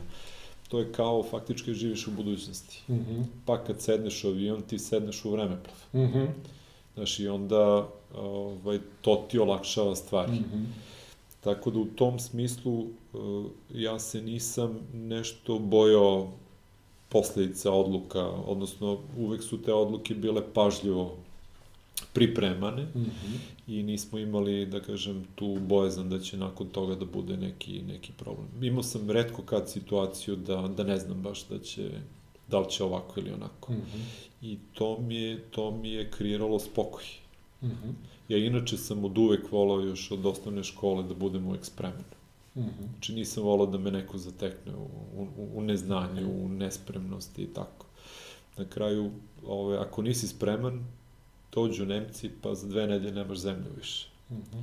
Da se ne, bilo, ne bi tako nešto da. desilo i u biznisu, znači moraš da budeš e, sa planovima, moraš da pažljivo spremaš i ovaj, bitne odluke i da ne, ne, ne brzaš sa, sa stvarima. Mm -hmm. No, jedna od ključnih stvari je bila, recimo, baš sa Raletom, znam, sam morao da ga na neki način vaspitam da ovaj, ne žuri u odlučivanju. Mm -hmm. Brzopletost je vrlo opasna. Mm -hmm. Ona je opravdana Znači, ti e, možeš brzo da, da radiš nešto i to je opravdano jedino ako imaš kriznu situaciju. Mm -hmm. Sve ostalo apsolutno nema potrebe. Znači, ti trebaš i, pazi, uvek e, ti neko s polja nameće ovaj, hitnost. Da, da, da. A ta hitnost je vrlo često lažna. Mm -hmm. Nije baš da se mora da, da. danas, nego se njemu prohtelo da bude mm -hmm. danas. Tako smo mi u startu dogovorili da nema ništa danas za sutra. Mm -hmm. I kad neko nešto traži, neki klijent, da mora danas, odustajemo tako klijent. Mm -hmm. I tako smo napravili, da kažem, sistem okay. gde se planira i sad mi je to jedan od najvećih izazova zapravo kad dođu novi ljudi u naš sistem, uh mhm. -huh. da ih e, prilagodim našem da, načinu razmišljanja, a to je da mora pre nego što krene da deluje, da dobro razmisli o tome uh mhm. -huh. i da tek onda radi. Znaš, kao i recimo kad radiš kuću, nećeš odmah da, ako vidiš cigle da kreneš da ih da, da, da. nego ćeš da vidiš prvo, ne znam za koga je ta kuća, uh mhm. -huh. koliko treba soba Jel će da ima garažu ili ne, će bašta da bude sprednja ili za zadnje strane, će blizu puta da bude. Znaš, ti tako praviš zapravo plan u svojoj glavi mm -hmm. i tek onda krećeš sa ciglama tu na gomili. Ovaj, E, Zanima me, sad baš kad si spomenuo e, planiranje, spomenuo si taj prvi biznis plan koji si napravio na samom početku. E, Kako, imaš li ga sad? Imam Za, za neki, ovaj, imam ga kako ne. kad si njega pravio? Uh, a misliš za novi period? Da, da, da. A, za novi period nije biznis plan, nego, ajde, to se zove strateški update. Dobro. Uh, znači, najnoviji u izradi, Okej. a, a ovaj strateški update se desio na uh, jednom drugom univerzitetu, odnosno trećem ukupno. Ja sam u, u Rotterdamu ovaj, završio uh, strateški menadžment Okej. i u okviru tog programa sam bio u obavezi da izradim neki diplomski rad. Mhm. I taj diplomski rad je bio vezan za moj biznis. Aha. To je strateški update vezano za rast, kupujem, prodajem nakon faze preživljavanja. Mhm. Znači da sam ja u suštini trebao da osmislim šta će se sve dešavati sa firmom, Mhm. ne bi li ona, i otprilike e, prošle godine se završio taj period. Aha. Znači on je, on je podrazumevao period od, i zaključno sa 2017. Okej. I tu mogu ti kažem da je to prilično dobro ispalo. Jel? Da. Znači on je napravljen 2011. Mhm. Ovaj, šest godina je gledao. Okej. To, I e, je li to, e, kad se on završio, znači 2017. jesi e, novi plan osetio potrebu da ga praviš ili je to nekako jednostavno tvoja, ajde nije rutina, ali nešto što misliš da bi tako trebalo da, da, da se pravi recimo na primjera radi da je to na period od 5 do 6 godina ili smatraš da postoje neke e, tačke koje bi trebalo da ukažu na to da je vreme za novi možda strateški plan Pa- razvoja ili kako god. Pa znaš kako, mislim otprilike na ove 4-5 godina. Mhm. Evo sad ću čisto možda nekim nije jasno zašto je baš to neophodno. Recimo nama je jako bitan, strateški bitan partner eh, kompanija Mainstream. Mhm. E, To je kompanija koja hostuje najveće sajtove u Srbiji. Mhm. E, To je kompanija koja server na kojima hostuje najveće portale u Srbiji kupuje zapravo i te servere ovaj, ne možeš da kupiš tek tako negde, nego Mhm. postoji proces poručivanja. Oni moraju da planiraju kapacitet za sve svoje najveće klijente. Mhm. Ja sećam kad smo mi ovaj, prešli kod njih, njima je jako ugodilo kad smo mi njima dali projekciju našeg saobraćaja za nekoliko godina unapred. Jer je to njima pomoglo Da, da, da. oni planiraju Mhm. svoje stvari. Znate, ovaj, bez planiranja nije moguće da ti pošalješ čoveka na mesec. Mhm. Niti napraviš kineski zid, niti piramidu. Mhm. Znači ti bez planiranja možeš jako male stvari da uradiš u suštini. Mhm. I ja sam to naučio ovaj, vrlo rano kad sam eh, došao u Holandiju. To je toliko, da kažem, nacionalni hobi u Mhm. Holandiji, da ti čak sa domaćicom nekom, recimo, u školi, posle časova se dogovaraš kad će deca da se igraju, ne možeš da napraviš dogovora koja je ona slučajno zaboravila agentu. Da, da. Ili ako nema na telefonu zapisano, Mhm. one sve imaju. Mhm. Tako da, ovaj, e, a s druge strane, naša kultura je improvizatorska, Da, da. srpska. Mhm. I to je, recimo, isto kvalitet veliki. Da. Ali ne možeš sve, bre, da improvizuješ. znači, mo, recimo, autoput ne može da se improvizuje, Naravno, nego mora naravno. da se... E, za razvoj biznisa je vrlo bitno da ovaj, pokušaš što više... Naravno, nije problem ako se prave greške. Mhm. Ljudi će reći, e, pa znaš šta, ja ne mogu da pravim plan jer ne znam. Pretpostavi. Da. Pa ako pretpostavka nije dovoljno dobra, prvom prilikom kad to shvatiš, promenit ćeš taj plan. Mhm. Ali ćeš ga opet imati. Mhm. Opet će nešto da te vuče na tu stranu. Mhm. Uh, ući u, u neki poduhvat koji je jako skup, bez plana, to je kao pucati na slepo. Znači, Mhm. ti staviš povez, dobiješ pištolj Da, da. i pucaš u metu koja ne znaš gde je. Mhm. Pri čemu postoji konsekvenca, znači potro, potroši si metke, Mhm. verovatno si potroši i priliku. Da, da, da. I zato to ovaj, po meni nije, Okej. nije dobar način. A naravno sad neko će reći pa šta, ja sam to uradio bez, može, naravno, Okej. ali velika šansa da neće uspeti. Da, da. Reci mi, e, spomenuo si baš ono zaposleni i to, e, prilikom zapošljavanja za, za, za firmu ovde, je se Rale bavio tim delom posla ili si ti bio uključen u to i ako jesi, zanima me na koji način si odlučivao ko su ti ljudi koji će ovaj, doći na vaš brod? Pa obojica smo bili, on pre uh, nego ja, uh, u smislu da bi on obavio preliminarni razgovor, mm -hmm. sad naravno imamo više ljudi pa to rade kolegi, mm -hmm. a mi smo nekako u zadnjoj, zadnjoj rundi. Ono što je meni bitno kod kandidata je kulturni fit. Mm -hmm. Znači, kolege već znaju ko, ko, ko im treba, mm -hmm. oni su tu ovaj, jako vispreni. A ono što ja želim jeste da vidim da li taj čovek uh, će zbilja biti ono što oni očekuju od njega, Mm -hmm. Da li će tu biti nekih problema u smislu komunikacije sa drugim, stava recimo generalno, mm -hmm. da li će biti problem u motivaciji. Mm -hmm. To je, čak mi nije toliko bitno koliko čovjek zna, mm -hmm. čak, pazi, iskustvo, manjak iskustva može da se nadoknadi ako je čovjek e, talentovan, znači stvarno tu nemamo da kažem, uh, sem u nekim situacijama gde nam baš nešto treba, ali smo prilično otvoreni, međutim stav mi je mnogo bitan. Mm -hmm. Da li čovek, evo primer, ne znam kada će da ide sad ovo, ovaj, uh, uskoro. uskoro. Evo, znači, za jednu poziciju koju imamo sada, uh, javilo se 30 kandidata, 34. Samo dvoje njih je poslalo uz prijavu motivacijono pismo kad sam ja to moje čerci koji ima 16 godina, stariji, mm -hmm. rekao, kaže ona, wow, ona je rođena u Holandiji i odrasla. Wow, kaže, pa šta, kakav je problem to ovdje? Zašto im je to problem? Mm -hmm. Zašto je, kaže, da moguće su lenji ljudi. A ovaj, ja kažem, ne, nisu lenji, nego jednostavno kultura je takva da ljudi ne razumeju zašto je to toliko bitno. A nam je to mnogo bitno. Zato što a, motivacijono pismo meni pokazuje koliko si ti potrudio zapravo oko, oko apliciranja da. za taj Koliko ti je stalo zbilja mm -hmm. da mhm. radiš taj posao. A to što ti možda i nemaš u CV-u sve što je neophodno za taj posao, mi možda progutamo. Jer ćemo mi ovde da te naučiti. Mm -hmm. Ali ako ti nemaš motivaciju, kako ću ja, mislim, ja mogu jednim delom, ali da, to da, mora iznutra da, da dođe. Da, da. To je, znači, zajednički poduhvat.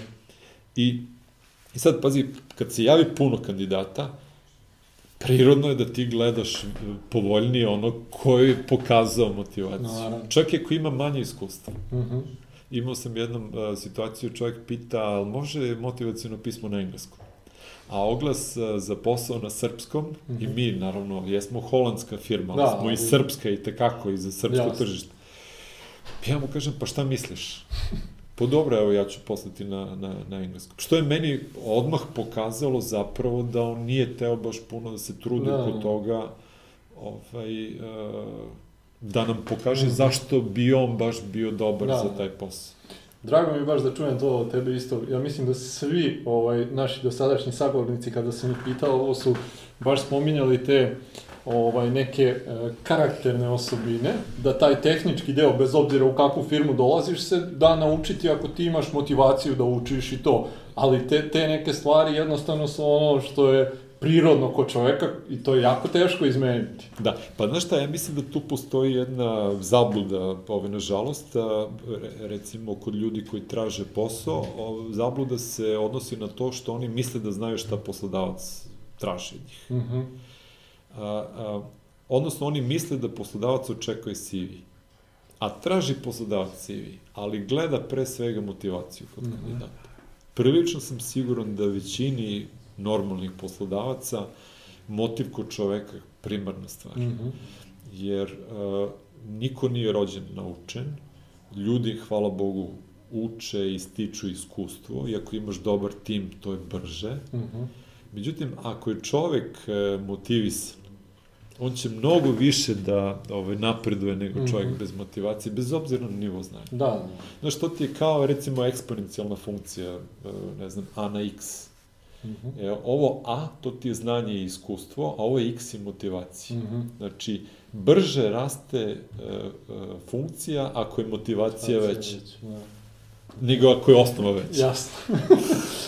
uh, baš mi je drago ono što si ti ovo na matematički način objasnio, meni to nije ovako blisko, ali generalno sad kad smo se dotakli edukacije, e, ti si, e, što se tiče tog nekog e, znanja koje si doneo iz korporativnog sveta i što se tiče svoje struke koje ti je svakako bilo značajno za, za samo osnivanje firme, ali tokom godina kako si se ti edukovao da budeš u stanju da vodiš samu firmu? Pa, na razne načine. Znaš, prvo, odmah da kažem, ništa ja nisam znao sve unapred. Mm -hmm. ovaj, e, jednostavno, i dan danas me stalno sustiču problemi i neke stvari koje se pitam, pa kako je to nisam ranije znao. Da. Ovaj, jednostavno, jednim delom kroz e, praksu, e, drugim delom kroz radoznalost. Ja sam od uvek volao da znam puno stvari. Mm -hmm i ovaj, imao sam sreće da sam znao zapravo da se fokusiram lepo na stvari koje, koje su značaja. Uh mhm. -huh. Ali ako bi eh, znao da me nešto interesuje, onda bi sam tražio. Puno sam se edukovao i zbog toga što ove, kompanija, recimo, koje sam radio, bila uh, blagonaklona prema tome, uh mhm. -huh. čak uh, više od toga. Imali smo budžet svake godine za edukaciju i recimo meni je bilo mnogo čudno, ja sam taj budžet skroz trošio, a moje kolege ne. Vrlo često bi čak ostalo na kraju godine, pa bi recimo šef pitao, hoće neko još nešto ekstra, pa da. bi se javljao. I sad ti, recimo u Holandiji imaš jako puno, jako dobrih e, kurseva, Sećam se jedan od najboljih koje sam radio ikad je MBA u jednom danu. To je jedan ovaj, vrlo interesantan koncept gde se znanje e, zapravo jednog e, fakulteta čak sažme u jedan dan, uh mhm. -huh. sa ciljem ne da te nauči sve, nego da ti pruži dovoljno uvida u to šta sve postoji, da bi ti sutra sam, sam krenuo uh -huh. da ove, to radiš. Evo, uskoro ću ići na psihologiju jednom danu. Okay. Meni je sad psihologija jako interesantna zato što prateći moj lični razvoj, znači od e, čovjeka koji se razume u tehnologije, pa produkt, pa biznis, pa onda sam uh, se bavio marketingom dosta, sad jako interesantan upravo ljudski aspekt. Mm -hmm. Da bi ja bio dobar u, u, u ljudskom aspektu, mm -hmm. uh, zgodno je da znam osnove psihologije.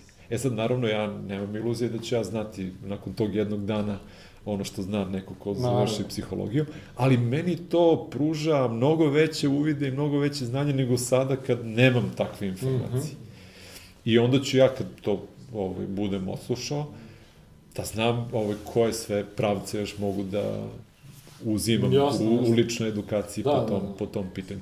Tako da ja mislim da je jako ta lična inicijativa, lična radoznalost jako, jako bitna. Mm -hmm. Pazi, to nam je bitno kad ljude ovaj, primamo recimo ja dosta nekih e, uvida mojih i delim na LinkedInu, tako u nadi da će recimo kandidati da čitaju. Da. a, jer a, ako me pozitivno iznenade, recimo na intervju sa tim da su to pročitali, ja već znam da se oni spremaju i to je veliki plus. Da. Znaš, tako da ove, ovaj, nema tu ništa, ne bi ništa sakrio, već mm -hmm. bi mhm. upravo pozdravio da, znaš, da, da, da. svako istraživanje, sve što može da ti pomogne. Pazi, čak imao sam situaciju u zadnjih nekoliko intervjua ljudi ovaj, iznenadim ih sa pitanjima da li znaju ko sam ja, na primer. -hmm. Ne ko je Bojan Leković, mislim, mm -hmm. ni, ne patim od toga, nego da li oni znaju koje je moje funkcije u firmi, pošto mm -hmm. to nije teško, znaš, na LinkedInu ukucaš da. ime i prezime, znaš s kojom firmom pričaš. Tako da je isto interesantno da se vidi koliko se ljudi spreme, da, znaš, da. i koliko se uopšte edukuju ovaj, e, na, na razne načine ti kroz edukaciju možeš svašta da naučiš. Mm -hmm. I ko mhm. se čime bavi, u kojoj firmi, mm -hmm. i šta je on, ne znam, šta je govorio tad, šta sad priča i kakvi su mu pogledi na svet. Mm -hmm. I da li ti onda zbog toga možda se uklopiš u tako nešto ili ne? Da li ti uopšte želiš da radiš u takvom ambijentu? Jasno, jasno. Reci mi, kad pogledaš sad, evo, 11 godina -hmm. ovaj, kako radite, šta bi izdvojio možda ne, kao neke najveće greške koje ste napravili za ovih 11 godina? O, e, to je teško pitanje. Mi smo imali e, jako puno malih grešaka. Aha. Znači, ali nismo imali neke velike greške. Ne, ne, ne. E, tako da imam, pa nama se svakog dana desi neka greška. Uh mhm. -huh. Znači, kad kažem nama, meni i mojim ljudima. Jasno. I to su greške, neki put, sad ću ti e, reći, to je greška tipa je, Mirko, pazi metak. Znači, mm. -hmm. prošao je metak i ti se streseš onako, kažeš, majko mu, pazi, ovo možda te ubije ovako nešto, mm. -hmm. ako nemaš šlem ili ako, ako ne čučneš brže. Ali na svu sreću nije te ni ukrznulo. Do, e, da kažem, malih stvari koje e, su takve da jesu greške iritiraju, ali su zapravo i prilika da se uči.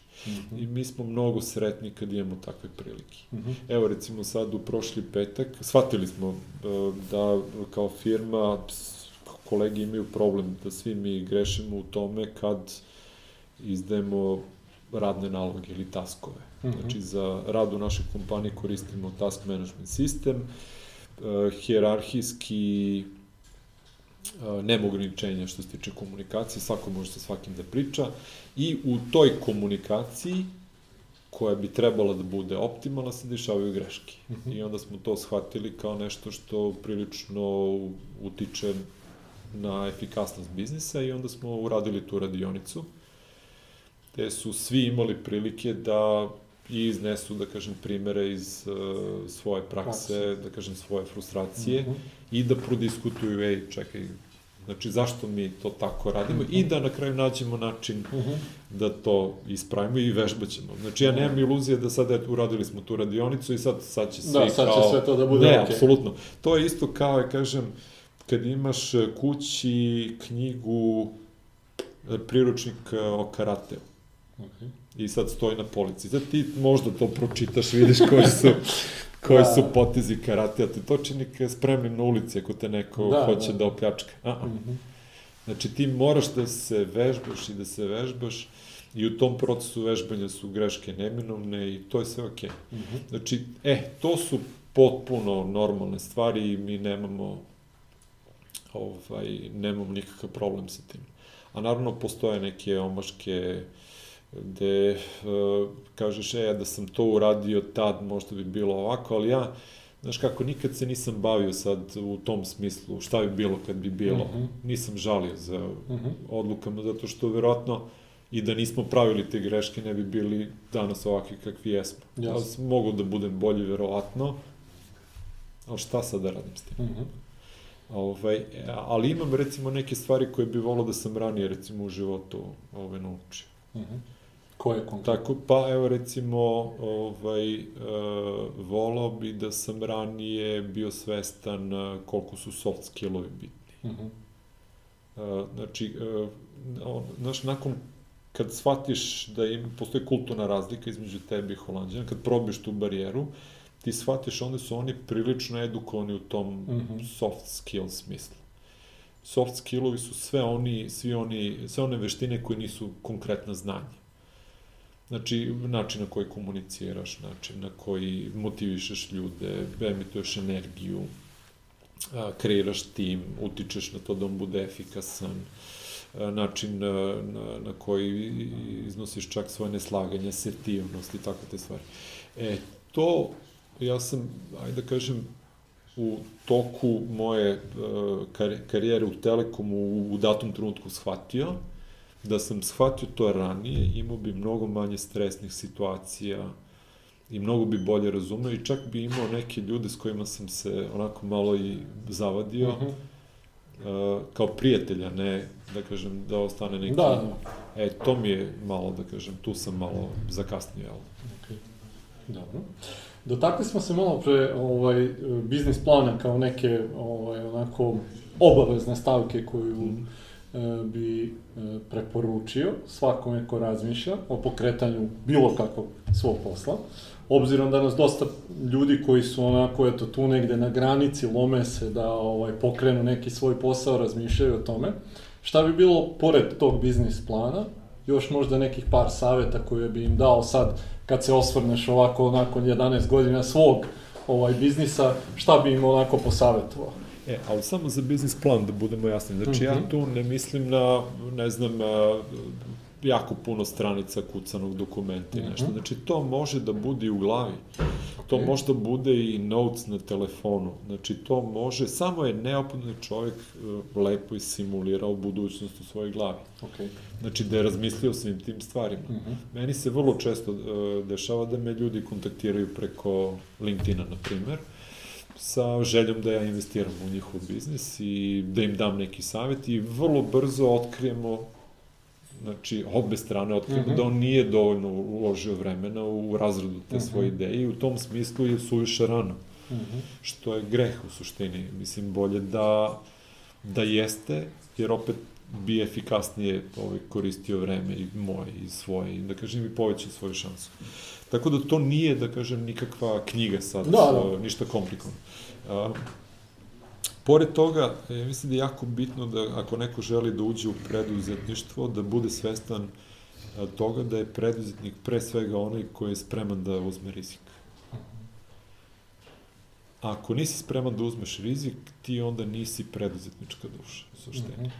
ti onda želi, i to je potpuno legitimno, ti onda želiš zapravo komfor i udobnost sistema Mhm. i ogromna većina ljudi tako nešto želi i hvala Bogu da je tako. Da. Mislim, ne možda svi Nismo budu, svi isti. nismo svi, Da. ovaj, ne može svi da budu preduzetnici. E, to je jedno. E, druga stvar, e, preduzetništvo podrazumeva jako puno problema koje moraš da rešiš. Ti moraš da imaš jako puno energije na tom putu. Mhm. Ima jedan izraz holandski koji volim da koristim tako, znači medvedi na putu. Mhm. Kad se upuštaš u nešto značajno, znači ti ideš tim putem i čekaju te medvedi na tom Mhm. Ti moraš da budeš dovoljno snažan da ih savladaš. E, tako je preduzetništvo, moraš da imaš puno goriva. Jer će svako malo da se desi neka prepreka, neki, uh, neki down, i onda je tu ta energija odlučujuća. E, tek na trećem mestu ide, ne znam, znanje, iskustvo, jer ti možda imaš puno znanja i iskustva, ali da si u sistemu. Da. Ili da nemaš, e, nemaš, e, da kažem, taj e, u neku ruku i malo kockarski duh, Mhm. da uđeš u rizik da, da Mhm. nešto radiš. Ok. E, pitanje sa kojim završavamo ovaj, svaki razgovor, da se osvrneš sad na nekih možda, pa nek to bude i 10-15 godina unazad, da imaš priliku da Bojanu iz te neke možda početka 2000-ih ili tako Mhm. nešto, daš neki mentorski savet, šta bi to bilo? Pa ovo što sam malo prepo, p- e, pomenuo vezano za soft skillove, pazi, ja sam sam ovaj, primetio kod sebe neke, da kažem, nedostatke, Mhm, a ja imam sad e, 45 godina. mhm, A bilo bi lepo, sam bio svestan toga mnogo ranije, Dobro. mislim. Mhm. Ovaj, tako da to mi je najveći... E, jedino je sad pitanje da li bi onaj Bojan od pre 20 godina poslušao ovog Da. Bojana. To se uvek postavlja pitanje. Verovatno ne bi nešto. Ali dobro, to valjda sve dođe sa godinama. Morao bi sad baš sebi da objasnim, slušaj, ovo si baš ti, Aha. Znači, i e, veruj mi da je to dobro. Znači, ja recimo i sad kad s ljudima pričam, ovaj, e, često imam situaciju da im objašnjavam nešto iz moje perspektive, nije to njihova, Mhm. pa u tom smislu ne mora to baš da bude najbolji savjet za njih, ali je jako korisno.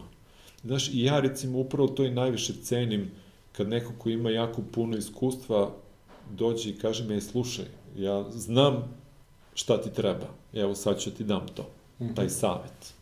To je zlata vredno. Kako ne? Pa evo, mi se na neki način trudimo da kroz iskustva uspešnih naših preduzetnika kao što si i ti, prenesemo neka njihova znanja. Sad, da li će oni hteti da ih poslušaju ili ne, možda za pet ili deset godina, ne znamo. Ali, e, Bojane, još jednom hvala ti puno za odvojeno vreme. Jako mi je drago što smo konačno uspeli da, da uskladimo obaveze, da, da snimimo ovu epizodu. Mislim da će svima ovaj, koji su tu negde ili na početku ili razmišljaju ili čak pošto je već imaš dosta ovaj preduzetničkog staža sve ovo biti od koristi i samo da ti poželim da, da sve ovo čime se baviš ide ovako nekim putem kao što je do sad i mislim da će to biti sasvim u redu. Hvala tebi, Đorđe, puno. Ovaj, svaka čast na emisiji i čast mi je da budem deo. Hvala. Hvala vama svima, nadam se da ste uživali u razgovoru i vidimo se i sledeće nedelje. Prijatno!